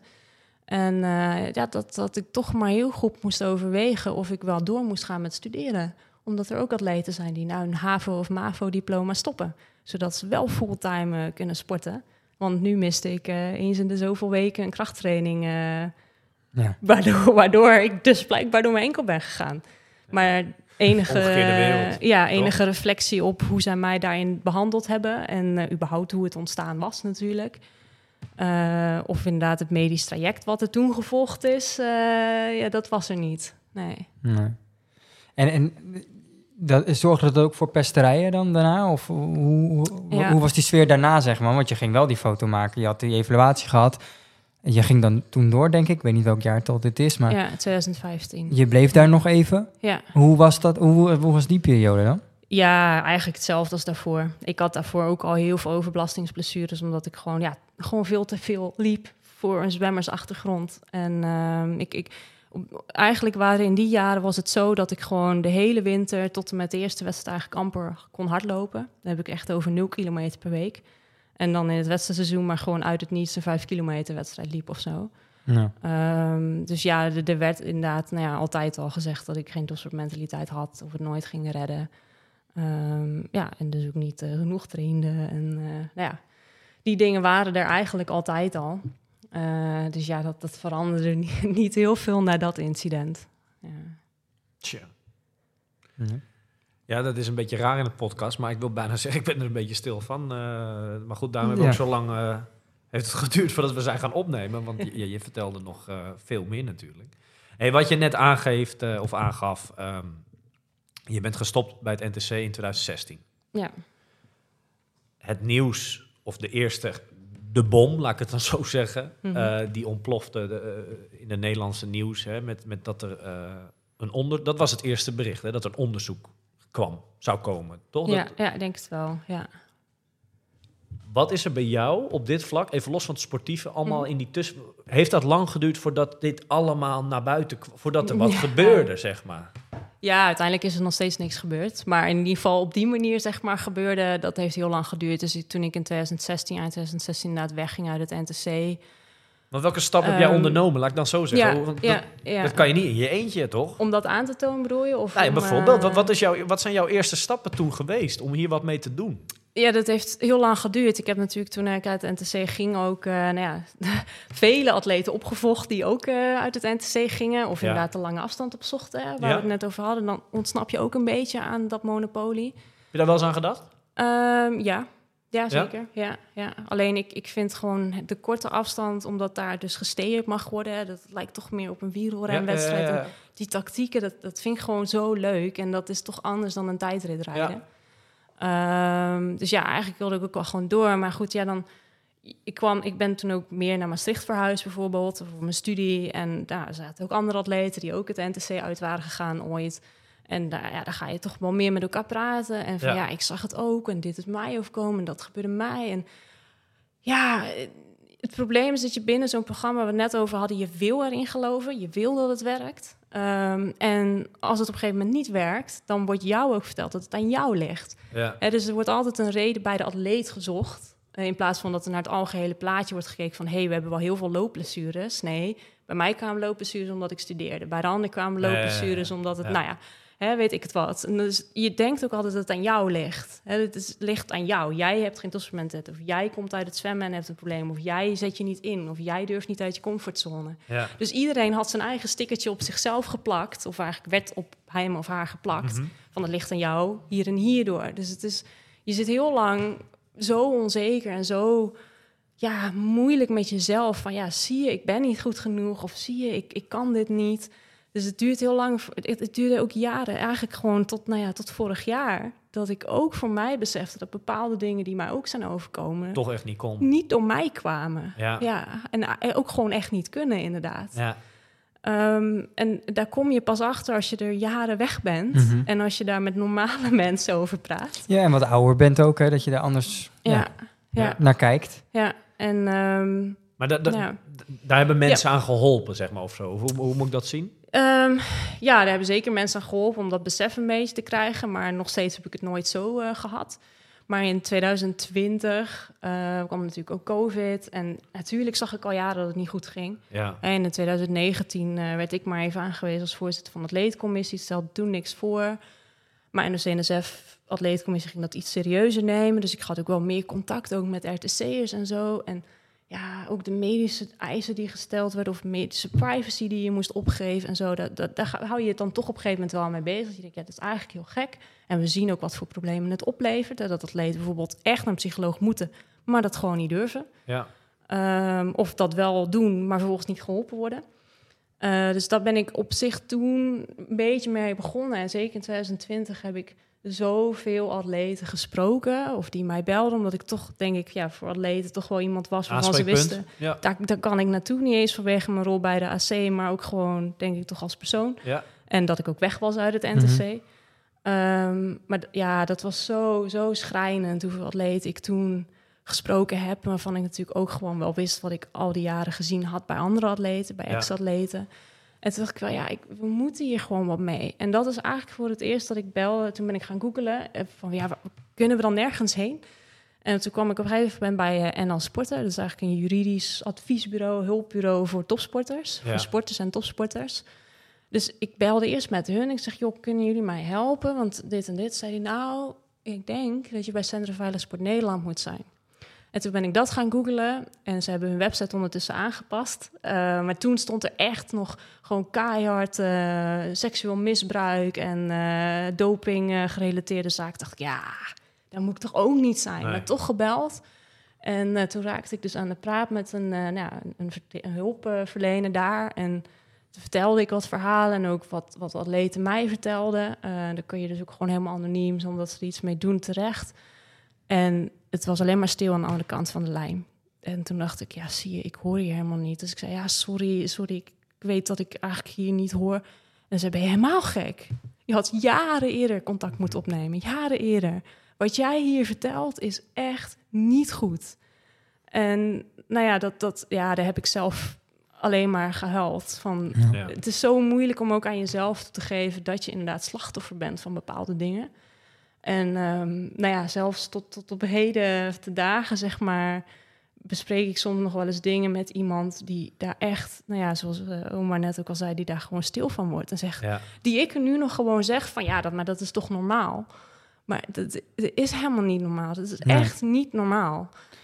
En eh, nou ja, toen dacht ik, ik moet hier wat mee. Maar hoe? Hè, want eh, ja, de bond bepaalt. Een bepaalt En jij- financiën, en jij bepaalt hebt ze inschrijving. Voor je eigen carrière Precies, op dat je moment. hebt ze je hebt ze nodig. nog nodig. Ja, ja, dus ik ben toen wel gaan, eh, gaan informeren bij Veilig Sport en als sporter, atleetcommissie van NOC-NSF. Ja, wat, wat, wat kunnen we hier nu mee? En nou, toen was het toch wel vaak van, ja, je kan naar het ISR en eh, je kan dit of dat. Maar ja, dan moet je uit de anonimiteit. En toen had bijna elke atleet zoiets van, ja, ho, ho, even, uit de anonimiteit, dat ga ik niet doen. Ja. Want dan ben ik echt te bang voor wat dat voor gevolgen gaat hebben. ja. En toen ben ik dus gaan zoeken van ja, hoe kunnen we dan toch op een een of andere soort van objectieve manier gaan kijken wat we er dan wel mee kunnen doen. En dat was eigenlijk toen, eh, nou ja, toen we een enquête gewoon hebben uitgezet. Oh, gewoon over het topsportprogramma. Dus niet alleen het NC, maar ook gewoon hoe is de begeleiding bij wedstrijden, eh, het plannen van Mhm. trainingskampen, et cetera. En nou ja, die cijfers die daaruit kwamen, dat deden 13 van de 16 atleten hadden hem ingevuld, dus ook best wel veel. En eh, bij elke vraag ook, en aan het eind van de dingen ook een, vraag, een mogelijkheid tot gewoon zelf wat invullen. Was niet verplicht, maar je mocht kwijt als je iets kwijt wilde. Ja. En zeker die opmerkingen die daar gezet werden, was heel heftig. Zelfs voor mij, die eigenlijk al wel wist of verwachtte dat het niet goed ging, waren zelfs die opmerkingen heel heftig. En toen dacht ik wel, ja, we moeten we moeten hier gewoon wat mee. Ja. Eh, maar dat heb ik wel allemaal eigenlijk inderdaad zelf gedaan. Zelf gedaan. Ja. en dat was wel heel spannend. eh, Omdat ook voor mij, hè, zo, ja, zoals je zei, het is ook voor mij mijn carrière afhankelijk. Ja. Maar ik was wel, ik zat natuurlijk op dat moment niet meer binnen de bond eigenlijk. Ik had wel eh, strategisch gezien een, een, eh een bondstrainer als deel van mijn trainingsteam. Ik deed wel heel veel zelf en ik had heel veel adviseurs, zeg maar, die me daarin hielpen. Eh, maar dat, ja, dat was ook wel omdat ik wist dat, dat als ik geen connectie meer met de bond had, dan ging ik ook gewoon geen kansen krijgen. Ja. Eh, dat had ik de jaren daarvoor wel gemerkt. Ehm, maar ja, ik deed het gewoon goed. Dus ik ja, wat, ik, ben daar, ik zit daar niet meer. Eh, natuurlijk kom ik ze tegen bij wedstrijden, maar ik ben gewoon een goede atleet. Hè? Dus ik, misschien moet ik maar gewoon doen. Wat zijn nu voor mij nu nog de risico's? Want op een gegeven moment werd duidelijk dat uit die anonimiteit dat dat moest gebeuren. En dat moest jij dan gaan worden. Dat, dat- nou, dat nee, werd- ik- dat heb ik uiteindelijk ook niet gedaan. Ik kwam gewoon met die uitslag van die enquête. Oké, En dat was natuurlijk wel anoniem afgenomen. ja. Ehm, en dat, dat durfde ik toen niet mee naar, naar de technische directeur. Want het was toch nou ja, zijn programma ook. Dus ik ben daarmee naar de directeur gegaan. Ja. En ehm, ja, eigenlijk was dat eerste gesprek al heel vervelend. Ja. Eh, dat eh, was best wel heel heftig. Achteraf hadden we ook, ook met mijn vrienden, dus ik had het nooit alleen moeten doen eigenlijk. Ehm, want ja, ik kreeg meteen al het verwijt van "Eh, onderzoek doen is heel moeilijk. Maar ik was net afgestudeerd. Ik had net een universitaire master in psychologie. Dus ja. zeg maar, enquêtes is niet per se iets wat ik helemaal niks van kaas gegeten heb. Nee. Eh, maar goed, oké. Eh, nou ja, toen was wel al meteen eh, pas maar op, jij dat het niet de grote merking, maar show werd. Nou, daar hebben zij er uiteindelijk wel van gemaakt. Eh, dus ja, ik werd op dat moment, nou ja, heel cliché, maar als klokkenluider, echt als klokkenluider behandeld. Ja. Nou, als je zoekt in, in eh, nou ja, wat dan ook, een klokkenluider komt er eigenlijk meestal niet goed vanaf. Nee. En eh, ondanks dat ik hoopte, maar het was gewoon heel naïef, dat het mee zou vallen, viel dat zeker niet mee. Ehm, dus ja, een van de voorbeelden hoe heftig dat voor mij is, is dat natuurlijk gelukkig is voor mij de Spelen nooit een droom geweest. Maar het is misschien wel de grootste nachtmerrie van mijn afgelopen vijf jaar van mijn leven geweest. Die twee weken in Tokio. Tja. Dus eh, ik denk niet Omdat met dit allemaal eh, toen, toen echt Ja. liep. En, en Ja. het was natuurlijk met diezelfde mensen daar naartoe. Ja, ja, en het was gewoon niet gewenst Even los om van de atletes, hè, met ja, wie je samen ja, was Ja, van ja. de- Nee, nee, het gaat echt over de staf inderdaad, hoe die daarmee om is gegaan en hoe ik daar inderdaad dan toen ja, eigenlijk elke nacht mezelf in slaap helde. Ja. En, eh, Want, hoe, hoe, want je zegt dat het was de grootste nachtmerrie. Ehm, ja. ja, hoe was dat dan voor jou? Wat, ja, Ja. ik kan me voorstellen inderdaad. Nou ja, nachtmerrie is nooit zo leuk. En nee, dat lijkt me niet. Maar wat, eh, kan je daar iets, ja, iets concreter in zijn? Ja, ehm, nou ja, je, bent natuurlijk wel met een groep. En als, als eigenlijk jij niet eh, gerespecteerd wordt in die groep... en er is geen aandacht voor jouw mening of eh, jouw Je doet, visie er, op je doet er niet trainingen. toe. Ja, je doet er gewoon ja, niet is- toe. Nee, absoluut niet. Dus ook als ik daar bijvoorbeeld vragen had, want dat waren ook mijn eerste spelen. Ja. Ja, ik kwam daar eigenlijk niet echt een antwoord op. Dus bijvoorbeeld, eh, een heel duidelijk voorbeeld toen wij het Olympisch dorp verlieten. Eh, ik ben de eerste vlucht dat ik kon, ben ik naar huis gegaan. Een deel Ja. van de groep bleef nog een dag langer. En mij werd, ik werd niet geholpen met wat ik moest doen. Helemaal, want we moesten daar natuurlijk COVID, hè, dus je moest eigenlijk elke dag nog eh, nou ja, speeksel inleveren voor COVID-testen. En daar en daar moest je je koffers laten en zo en zo moest je naar de bus. En daar werd ik niet bij geholpen. Er was niemand die mij vertelde hoe ik dat moest doen. Maar dat bij de rest wel was. Nou, terwijl ik inderdaad, toen ik ondertussen thuis was, kreeg ik in de groepsapp opeens berichtjes van... hey, vanmorgen, we vertrekken zo laat, daar moet je je koffers laten... dit moet je doen met je kamer, lever nog een buisje in, doe Ja. dit en dit. Dus dat is even een heel simpel voorbeeld. Ja. En ik snap dat sommige mensen denken, ja, joh, hè. maar dit gebeurde dat- elke ja. dag op elk onderwerp. Eh, ik- er werd gewoon niet met me gepraat. Ik, dat, en er was niemand voor mij, niemand daar Nee. waar, waar ik mee naartoe kon. Des te knapper eigenlijk de uitslagen die je daar dan hebt gereest. Allebei, de, toch? Ja, Als je dit Ja. zo vertelt, hoe, hoe de omstandigheden Ja. eromheen waren. Ja, ja uiteindelijk eh, was het ook niet waar ik voor kwam natuurlijk. Nee. Ik was net eerste en derde in de World Triathlon Series. En ik was echt niet eh, de verwachting dat ik daar opeens podium ging lopen of zo. Maar ehm, ja, ook gewoon de voorbereiding op die wedstrijd zelf. Eh nou ja, degene die hem gezien hebben, zagen ook al dat het zwemmen bijvoorbeeld... Ja, er gebeurden gewoon wat gekke dingen. Ja. Laag was toch wel wat stroming en dingen. Maar ja, die, die plek moest je dan, dan een paar dagen van tevoren kiezen. Ja, ik, ik Ja. was daar helemaal niet op voorbereid ook. En ik, zeg maar, hoe, hoe je het eigenlijk zou willen doen, is dat je gewoon met bijvoorbeeld als er al inderdaad een embedded scientist bijvoorbeeld nodig is, dat je gaat kijken wat zijn de weersverwachtingen, waar komt de wind vandaan, hoe staat de stroming, dus welke kant is het handigst. Ja. Ja, dat, zo wordt het gewoon niet voorbereid. Het is echt heel onprofessioneel. Dus eh, ja, uiteindelijk ga je dan ook niet de beste. En die wedstrijd liep het eigenlijk heel slecht. Eh, ik kwam echt uit het water waar ik eh, absoluut niet thuis hoor. Eh, en dat heeft nou ja, ook wel te maken met hoe het überhaupt eh metaal met me gesteld was, maar ook wel gewoon de voorbereiding. Ja. Ja. Wij, eh, wij hebben natuurlijk jou gevraagd of wij hier welkom waren. Een keer, Mhm. hè, dat hebben we een tijd terug al een keer gedaan. Daar heb je natuurlijk ja op gezegd. Nu we zo bezig zijn hè, en dit natuurlijk allemaal oprapen, vind je, dat, vind je dat lastig om het hierover te hebben? Ehm, eh, ja, altijd nog. Mhm. Ehm, de- het is ook, ehm, ondanks dat we, denk ik, dat iedereen hoopt dat het beter is, is het ook nog helemaal niet beter binnen de bond.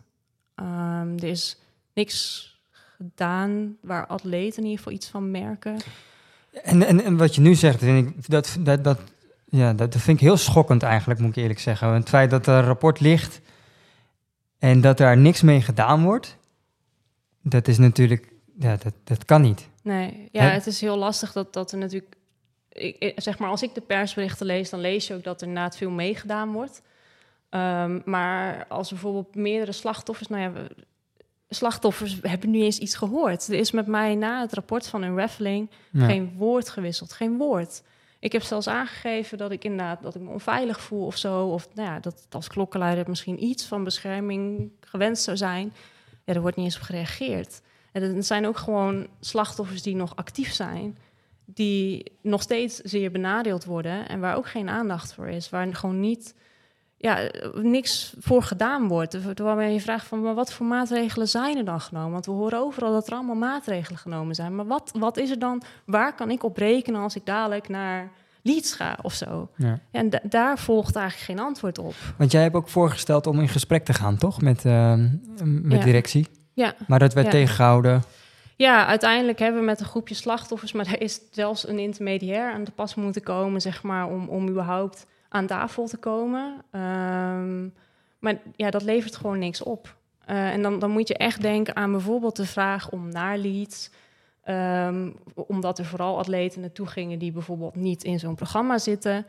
Ehm, iemand mee zou mogen die ons daar zou kunnen helpen. Die, Ja. als er iets gebeurt, er voor ons is. Waar wij ons in ieder geval een beetje vertrouwd bij voelen. En dat, dat, dat wordt dan geweigerd.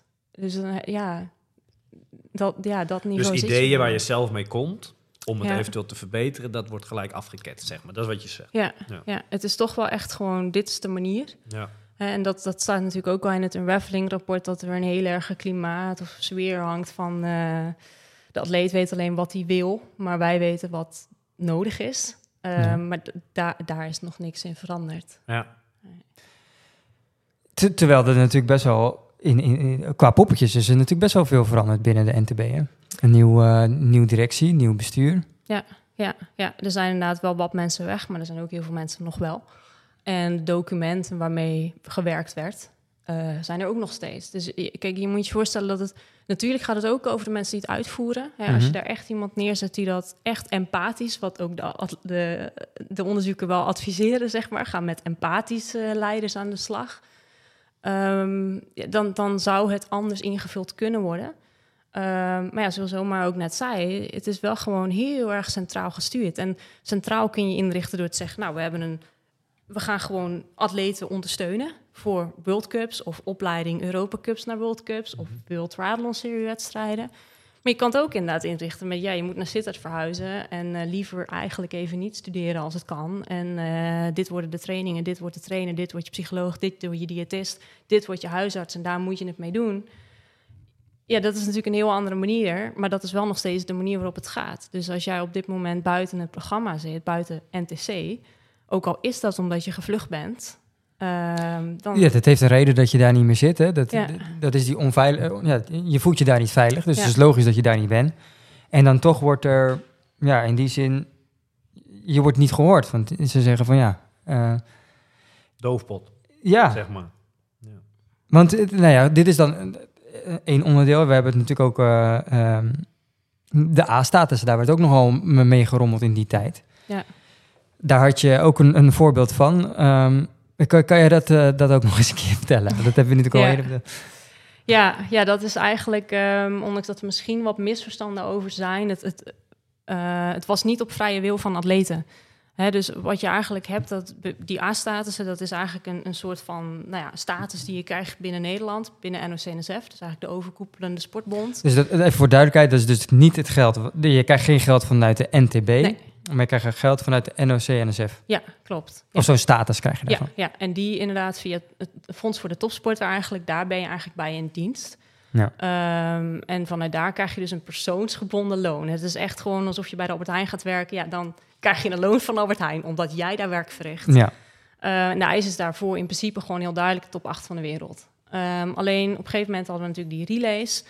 En nou ja, daar, mocht, daar had Adrie in ieder geval... En op zich is dat denk ik ook gewoon een hele goede bedoeling geweest... om te kijken of een, bijvoorbeeld een reserveatleet... dus inderdaad een, iemand die als er de beste hier uitvalt... en hier kan vervangen, of hetzelfde bij de dames...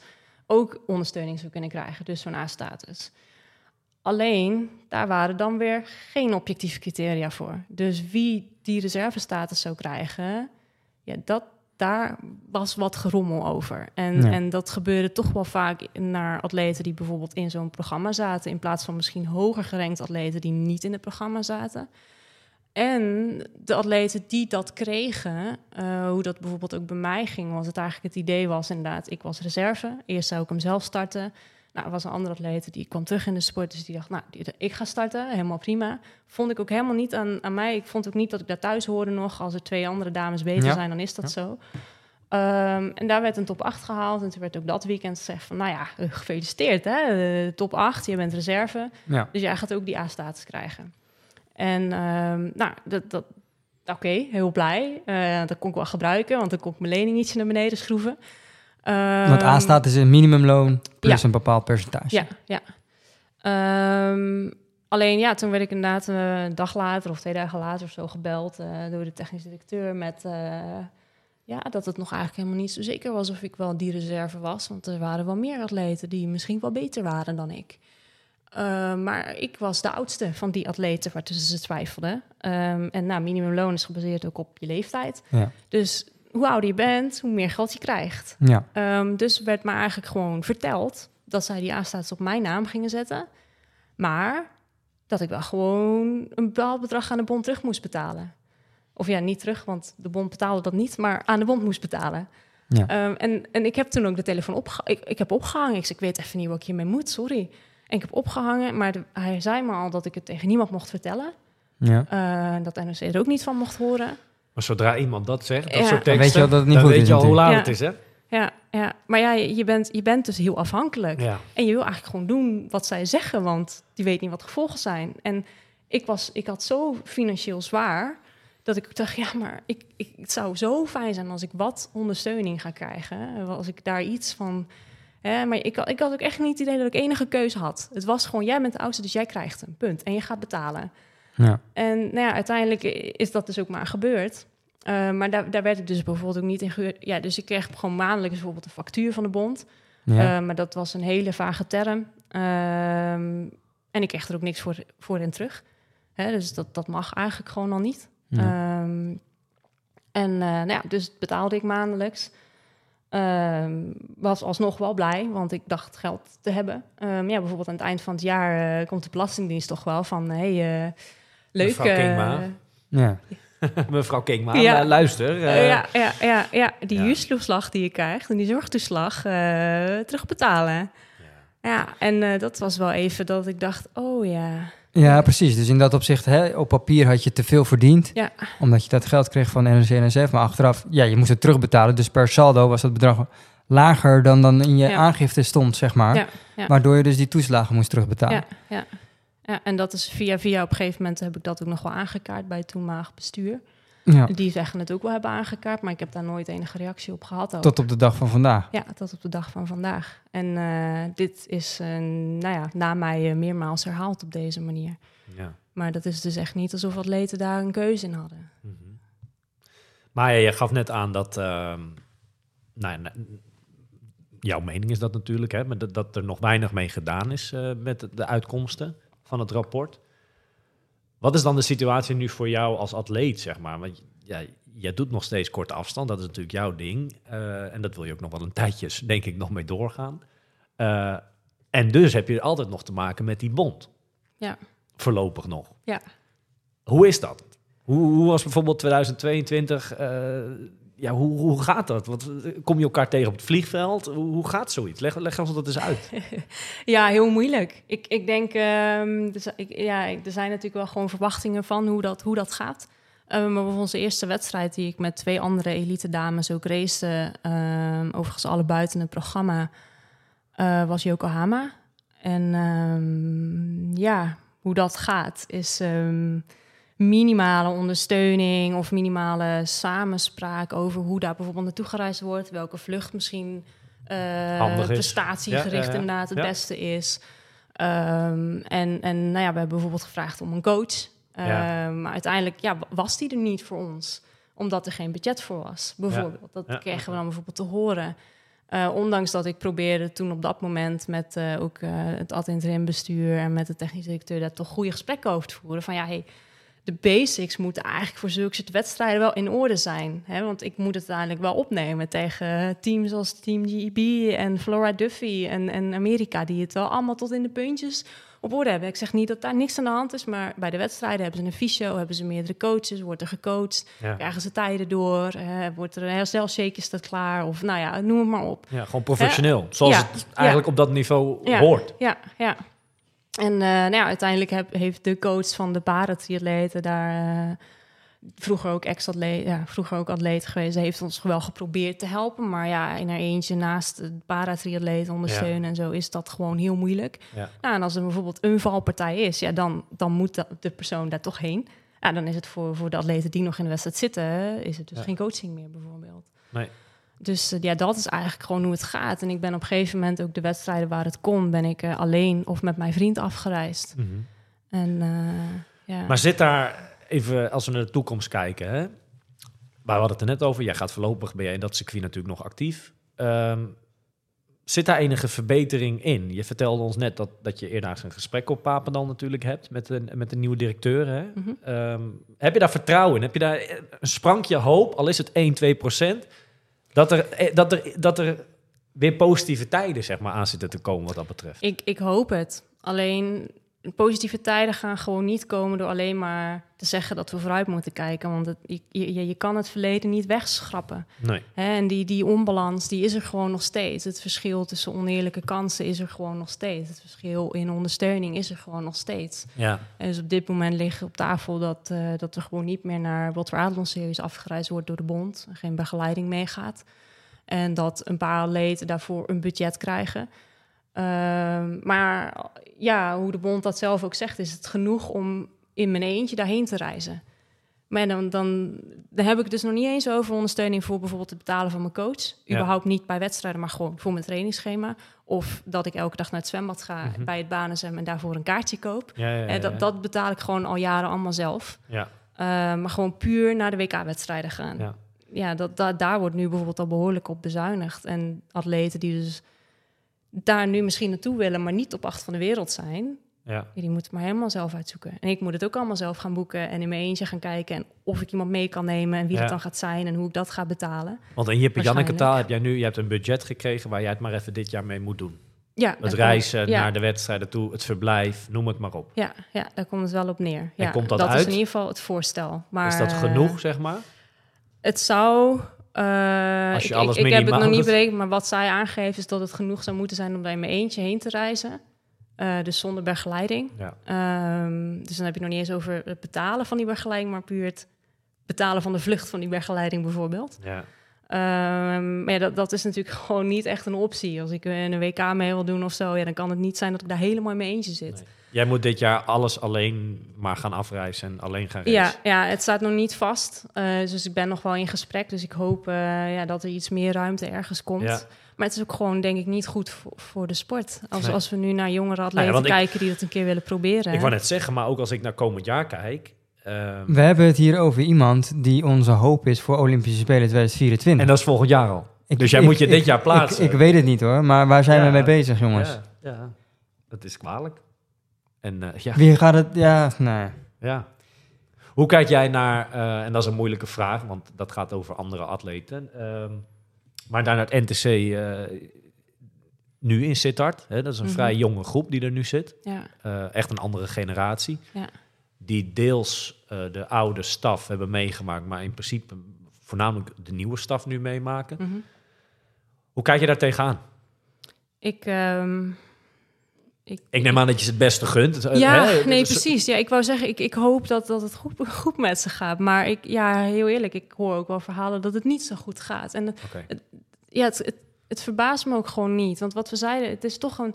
Je maakt een groep, zeg maar. Het is niet een groep vrienden die zegt... hey, laten Nee. we samen trainen, want wij zijn vrienden. Nee. Nee, het is een groep die je daar geselecteerd wordt. bij elkaar. Ja, het- die het dan maar samen moeten gaan doen, zeg maar. En het maakt niet uit hoeveel begeleiding je daarop zet. Als je gewoon niet met elkaar klikt... en je bent ook nog eens elkaars concurrenten... en de een komt uit lopen, en de ander komt uit zwemmen... en ja, Ja. het hoeft niet te klikken, Nee. zeg maar. En, en als je dan toch ook nog een beetje geïsoleerd zit... en alles, en je zet er alles voor op, opzij... en er zijn alweer blessures en overtraindheid of iets dergelijks... Ja, dat blijft gewoon heel moeilijk. En, en Ja. je ziet toch dat die leegloop en die opnieuw opvullen... dat is gewoon... Dat gebeurt iedere twee, drie jaar. Mhm, mhm. Ehm, dus ja, ik, ik hoop vooral heel erg dat ze het in ieder geval minder slecht gaan hebben dan, eh, dan, dan wij. Ja. En dat ze durven eh, te herkennen dat als dingen niet goed gaan, ja, dat ze. Ho dat hoop ik gewoon echt dat ze beseffen dat het misschien niet aan hen ligt. En dat ze daar misschien eh, extern dan maar hulp bij moeten Mhm. zoeken. Of, En dat ze dat Geloven. ook durven dan ja, uiteindelijk. ja, en Ja. geloven in, in hun eigen weg. Ja. Omdat die weg gewoon per topsporter en per mens, want atleten zijn ook gewoon mensen, verschilt. Vind je het mooi dat er eh, een x-aantal voorbeelden zijn, eh, vooral bij de mannen, eh, jongens die in het NTC hebben gezeten vroeger, ook misschien in jouw tijd, of een stukje daarna, die nu toch succesvol doorstromen naar de lange afstand? Wat, wat, wat Ja. zegt jou dat? En misschien ook voor jouzelf Ja, he- hele toekomst. dubbele boodschap. Omdat het aan de ene kant zegt dat we dus door de manier waarop wij in ieder geval de Olympische sport en de talentenontwikkeling daarin, hoe wij dat dus inrichten, dus, verliezen we dus aan alle kanten topatleten. Ja. Want aan de andere kant kun je dus ook zeggen dat waren dus gewoon hele getalenteerde atleten. Want nu komt het stuk voor Want stuk. nu, nu, nu ze het op hun eigen manier kunnen inrichten, in hun eigen omgeving, zijn ze opeens top. Ja.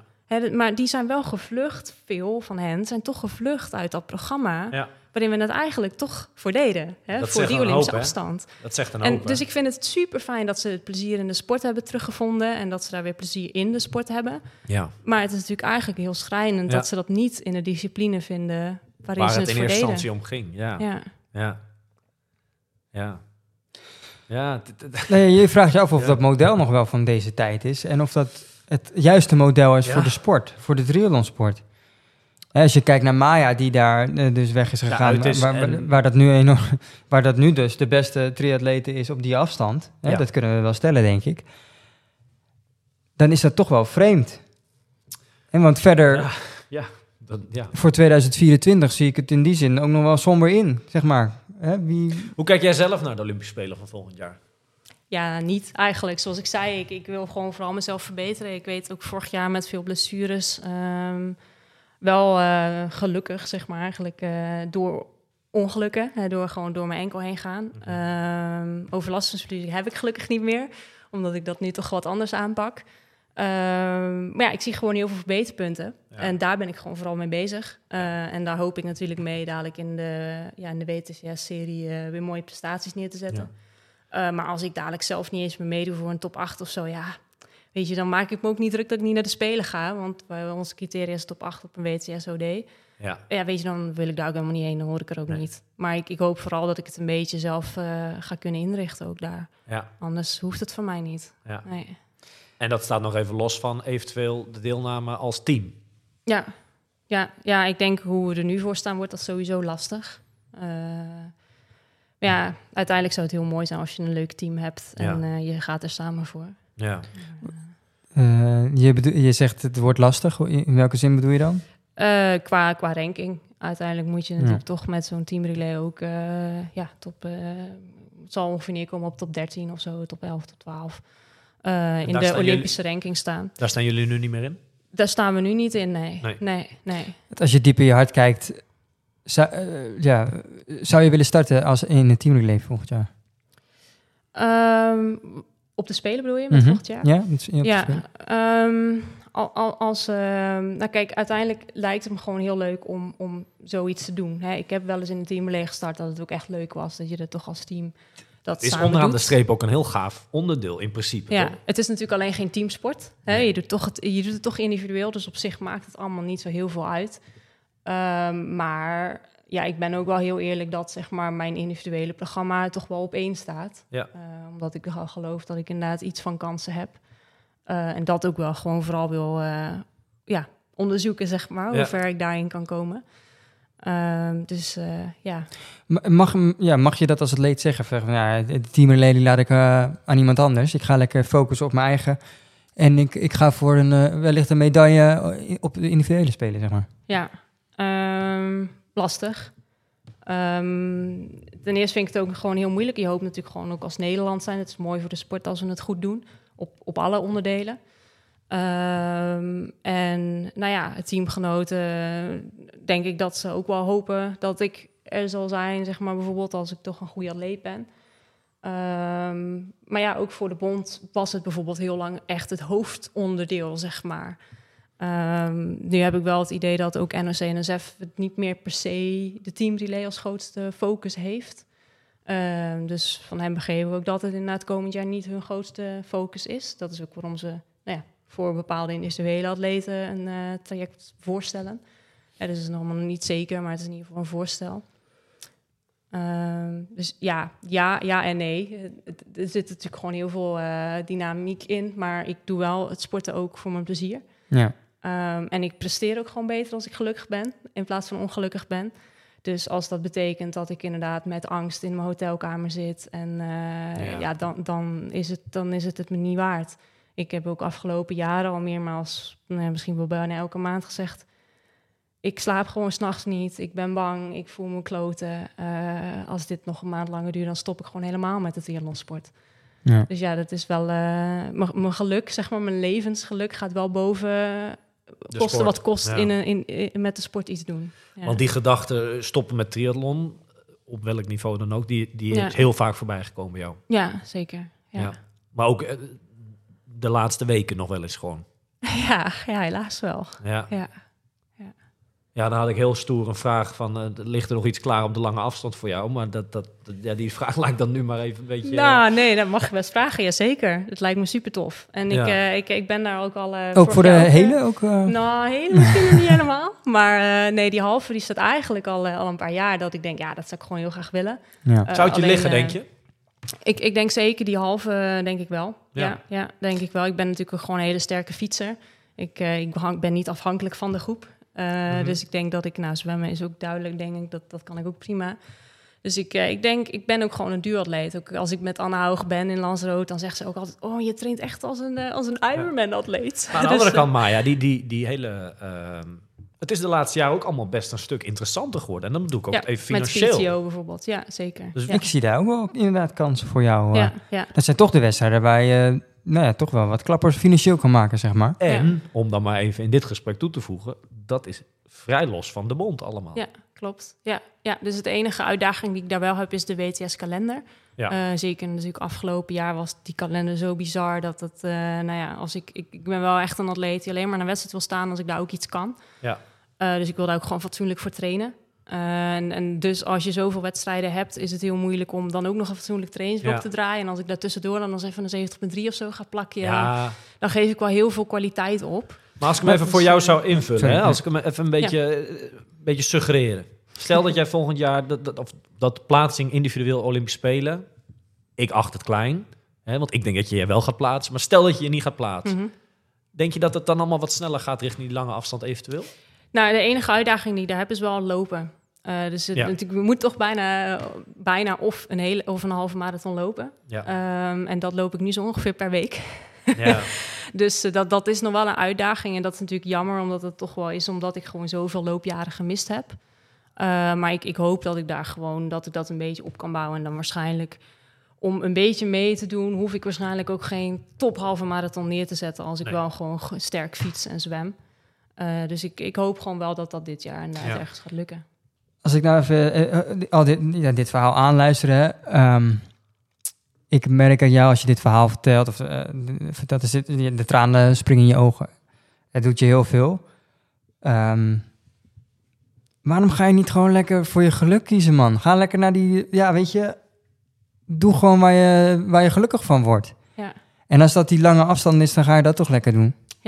Maar dat, zo begonnen we natuurlijk ergens ook een beetje. En dat ik wel zei van ja, maar ik vind die, die, die tactieken en de Ja, sferen ja, in die korte afstand, dat vind ik gewoon heel tof. Ik vind het, het nou ja, zoals je zei, Bermuda, ja, dat vinden kijkers een leuk, maar dat vind ik ook heel leuk. En Ja. ik zit daar toch ook van, in, in binnen een split second moet je bepalen, ga ik nu of ga ik niet? Ja. En ga ik lang of ga ik kort? Is en dat het is een in eerste lange afstand of een veel minder aanval? natuurlijk. Ja, Ja. dit is met name wat er, wat er, wat er daarbuiten speelt, wat jou ongelukkig maakt hè, in feite. Ja, Die ja. wedstrijden maak je wel gelukkig, maar daarbuiten niet. Ja, dat, dit zijn toch wel lastige Ja. dingen dan inderdaad. Ja, ja het, het lastigste daarin is, en dat heeft mij, maar ook heel veel andere atleten, heel veel pijn gedaan, is dat je natuurlijk iedere keer wanneer er iets bekend is, ook al is het niet eens buiten de bom, maar gewoon intern, hè, dat je denkt, ze luisteren. We gaan er iets aan doen. Het gaat beter worden. En dat wordt je ook constant verteld. Hè. Er komt Dus een, er- een ad interim ja. bestuur en die zeggen, ja, maar dit kan niet. We gaan dat anders. Er wordt, er wordt er worst voorgehouden en ze zeggen van het gaat ik- beter en worden. ik Dus, denk ook echt, zeker het ad interim bestuur heeft dat ook echt gewild. Hè? En ik denk dat, dat er zitten gewoon niet per se mensen met een kwade bedoeling. Alleen er wordt gewoon niet met atleten gepraat. Er is- wordt gewoon niet aan ons gevraagd. Maar hoe kwam dat dan, die misstanden? Of Ja. waar, waar, is, waar, waar zit die afhankelijkheid in? Of waar komt die angst vandaan? Of wat kunnen we doen om dat beter te maken? De- die gesprekken worden niet gevoerd. Maar toch hoop je hè, dat als iedere keer iemand zegt... of er komt een nieuw iemand, weet je... dat je denkt, misschien gaat die wel luisteren. Dus Ja. je houdt constant hoop. Maar die hoop wordt dan ook iedere keer weer kapot gemaakt. Dus het is heel moeilijk om dan op een gegeven moment te zeggen... het gaat toch nooit goed worden. Hè. Zo, zo wil ik er ook niet in staan. En ik hoop ook voor de triathlonsport in Nederland... dat het wel beter gaat worden. En voor de jeugd die we hebben en voor de junioren die we hebben. En dat, daar hoop ik zelf ook voor. Want ik, ik, nou ja, ik ben gewoon al zo lang van mijn leven... stop ik hier ook gewoon heel veel in. Ja. En ik zie ook dat ik het kan. Hè, ik, ik bedoel, ik kan voor de medailles meedoen. ja, Dus ja, je wil dat ook niet zomaar opgeven. nee, dat snap ik. Ja. Stel nou dat eh, de technische directie, die, ehm, die belt jou volgende week op en die zegt van nou, laten we in gesprek gaan. En dan bijvoorbeeld met de atleten van het teamrelay bijvoorbeeld, met elkaar. Mhm. We gaan in gesprek en we, we leggen gewoon alles op tafel. We gaan gewoon eerlijk tegen elkaar zijn. Mhm. En ehm, we gaan er met elkaar voor zorgen dat we ehm, ja, gewoon medaillekansen hebben volgend jaar. Ja. Sta je daarvoor open? Eh, ja, maar dat is niet de oplossing. Dus het, kijk, de, het, de problemen zitten gewoon niet tussen de atleten. Hè, de- daar, en daar hoeft het ook niet super goed te boteren. Alleen het wordt gewoon, de olie wordt op het vuur gegooid door de bond. Ja. eh, door de bepaalde stafleden. En, en daar moet iets aan gebeuren.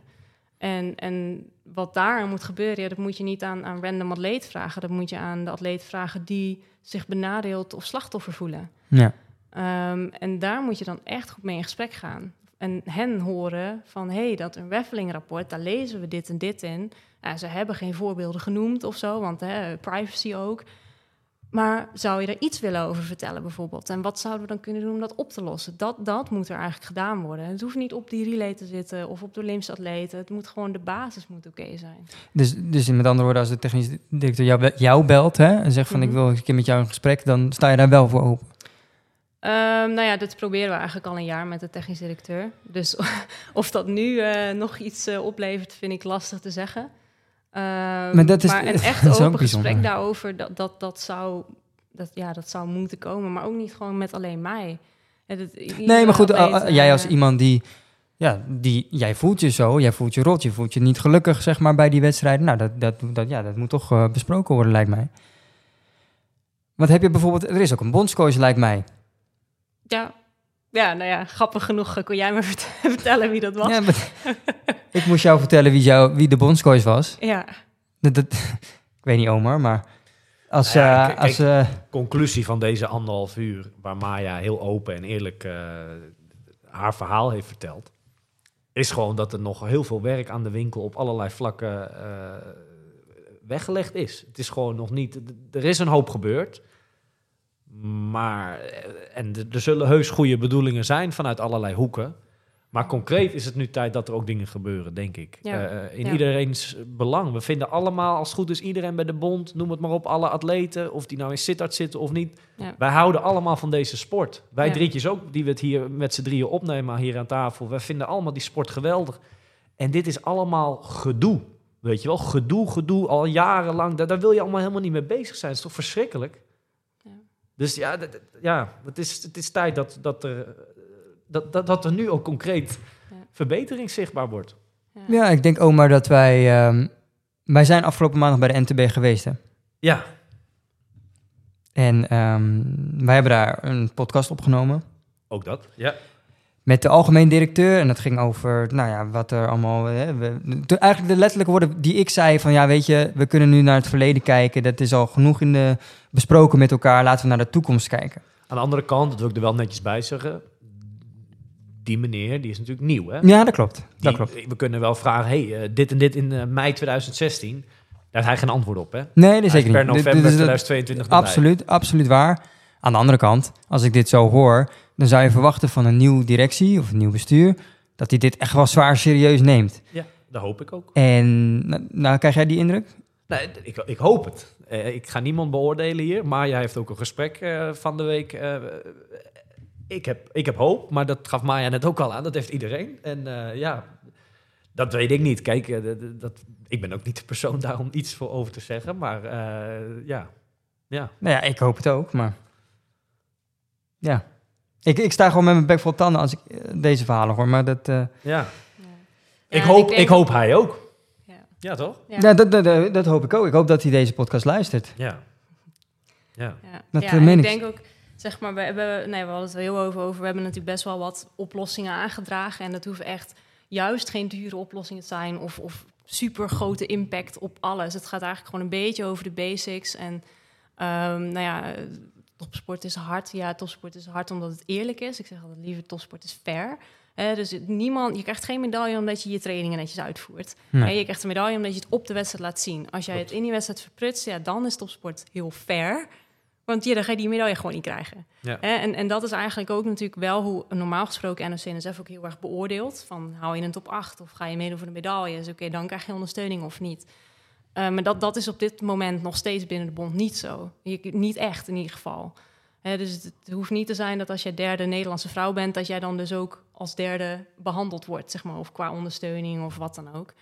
maar uiteindelijk denk ik wel dat het een van de stappen om het een beetje beter te maken is gewoon toch wat meer autonomie aan dat atleet te geven. Ja. En gewoon te respecteren dat ieder mens gewoon een ander traject volgt. Wat, wat is jouw, eh, de groep die jij nu zelf hebt gecreëerd voor jezelf? Wie, wie, Ja. wie zit er allemaal in? In, jou- in jouw eigen staf? Ja, ja, ja. Nee, ja, mijn, eh, in principe mijn hoofdcoach eh, is Koen de Haan. ja. Bekende Eh, naam in ja. de triathlonsport Ja, vroeger, hè? zeker. Ja, ja. En ook wel zwemachtergrond en natuurlijk nou ja, ook veel wielrenervaring. Coach nog steeds wat wielrenners. Altijd de coach van En, Squadra toen, hè, ja, geweest, hè? Dat, ja, die ja, ploeg. Ja, Ja. en nou ja, nu bij de Roeibond als best wel succesvolle coach ook. En dat, dat is super fijn. Mhm. ik heb een eh, loopcoach, eh, Michel eh, van der Wal. Die Oké. eh, ik heb- komt uit Maastricht ook nog. Ehm, en ehm, ja, mijn vriend helpt heel veel met eh, ook gewoon het wielrennen zelf. En eh, ja, training daarin. eh, aerodynamica proberen we bijvoorbeeld naar te kijken. Ja. Eh, maar ook inderdaad, hoe demoreer je of eh, ja, zulke soort dingen. Ehm, Het en, lijkt me eh, best leuk om daarover te sparren samen. Hier, ja, niet? ja, zeker. Ja, en dat zijn inderdaad de dingen waar je het liefst mee bezig bent Ja. eh, in de sport. Nou, ja, en eh, Olaf eh, bijvoorbeeld, eh natuurlijk fysio, ook heel, eh, ja, heel veel ervaring natuurlijk gewoon in het lopen ook. Maar nu Ja. eh, zelf ook eh, ervaring met triathlon, dus dat is super fijn.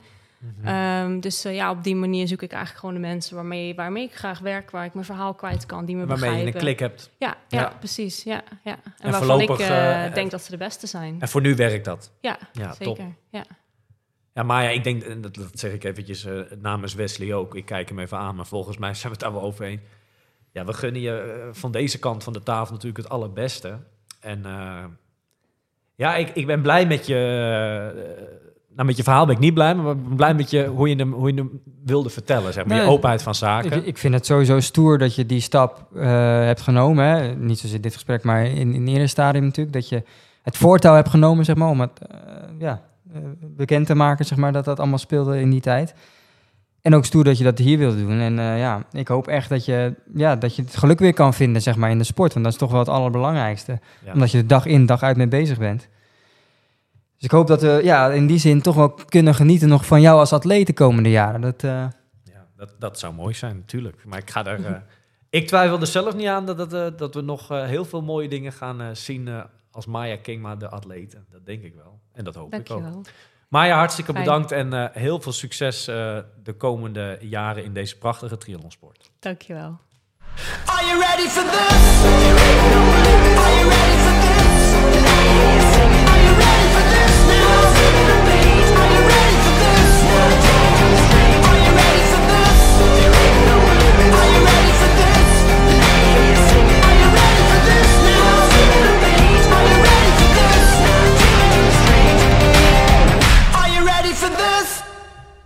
Deze podcast wordt mede mogelijk gemaakt door Physic.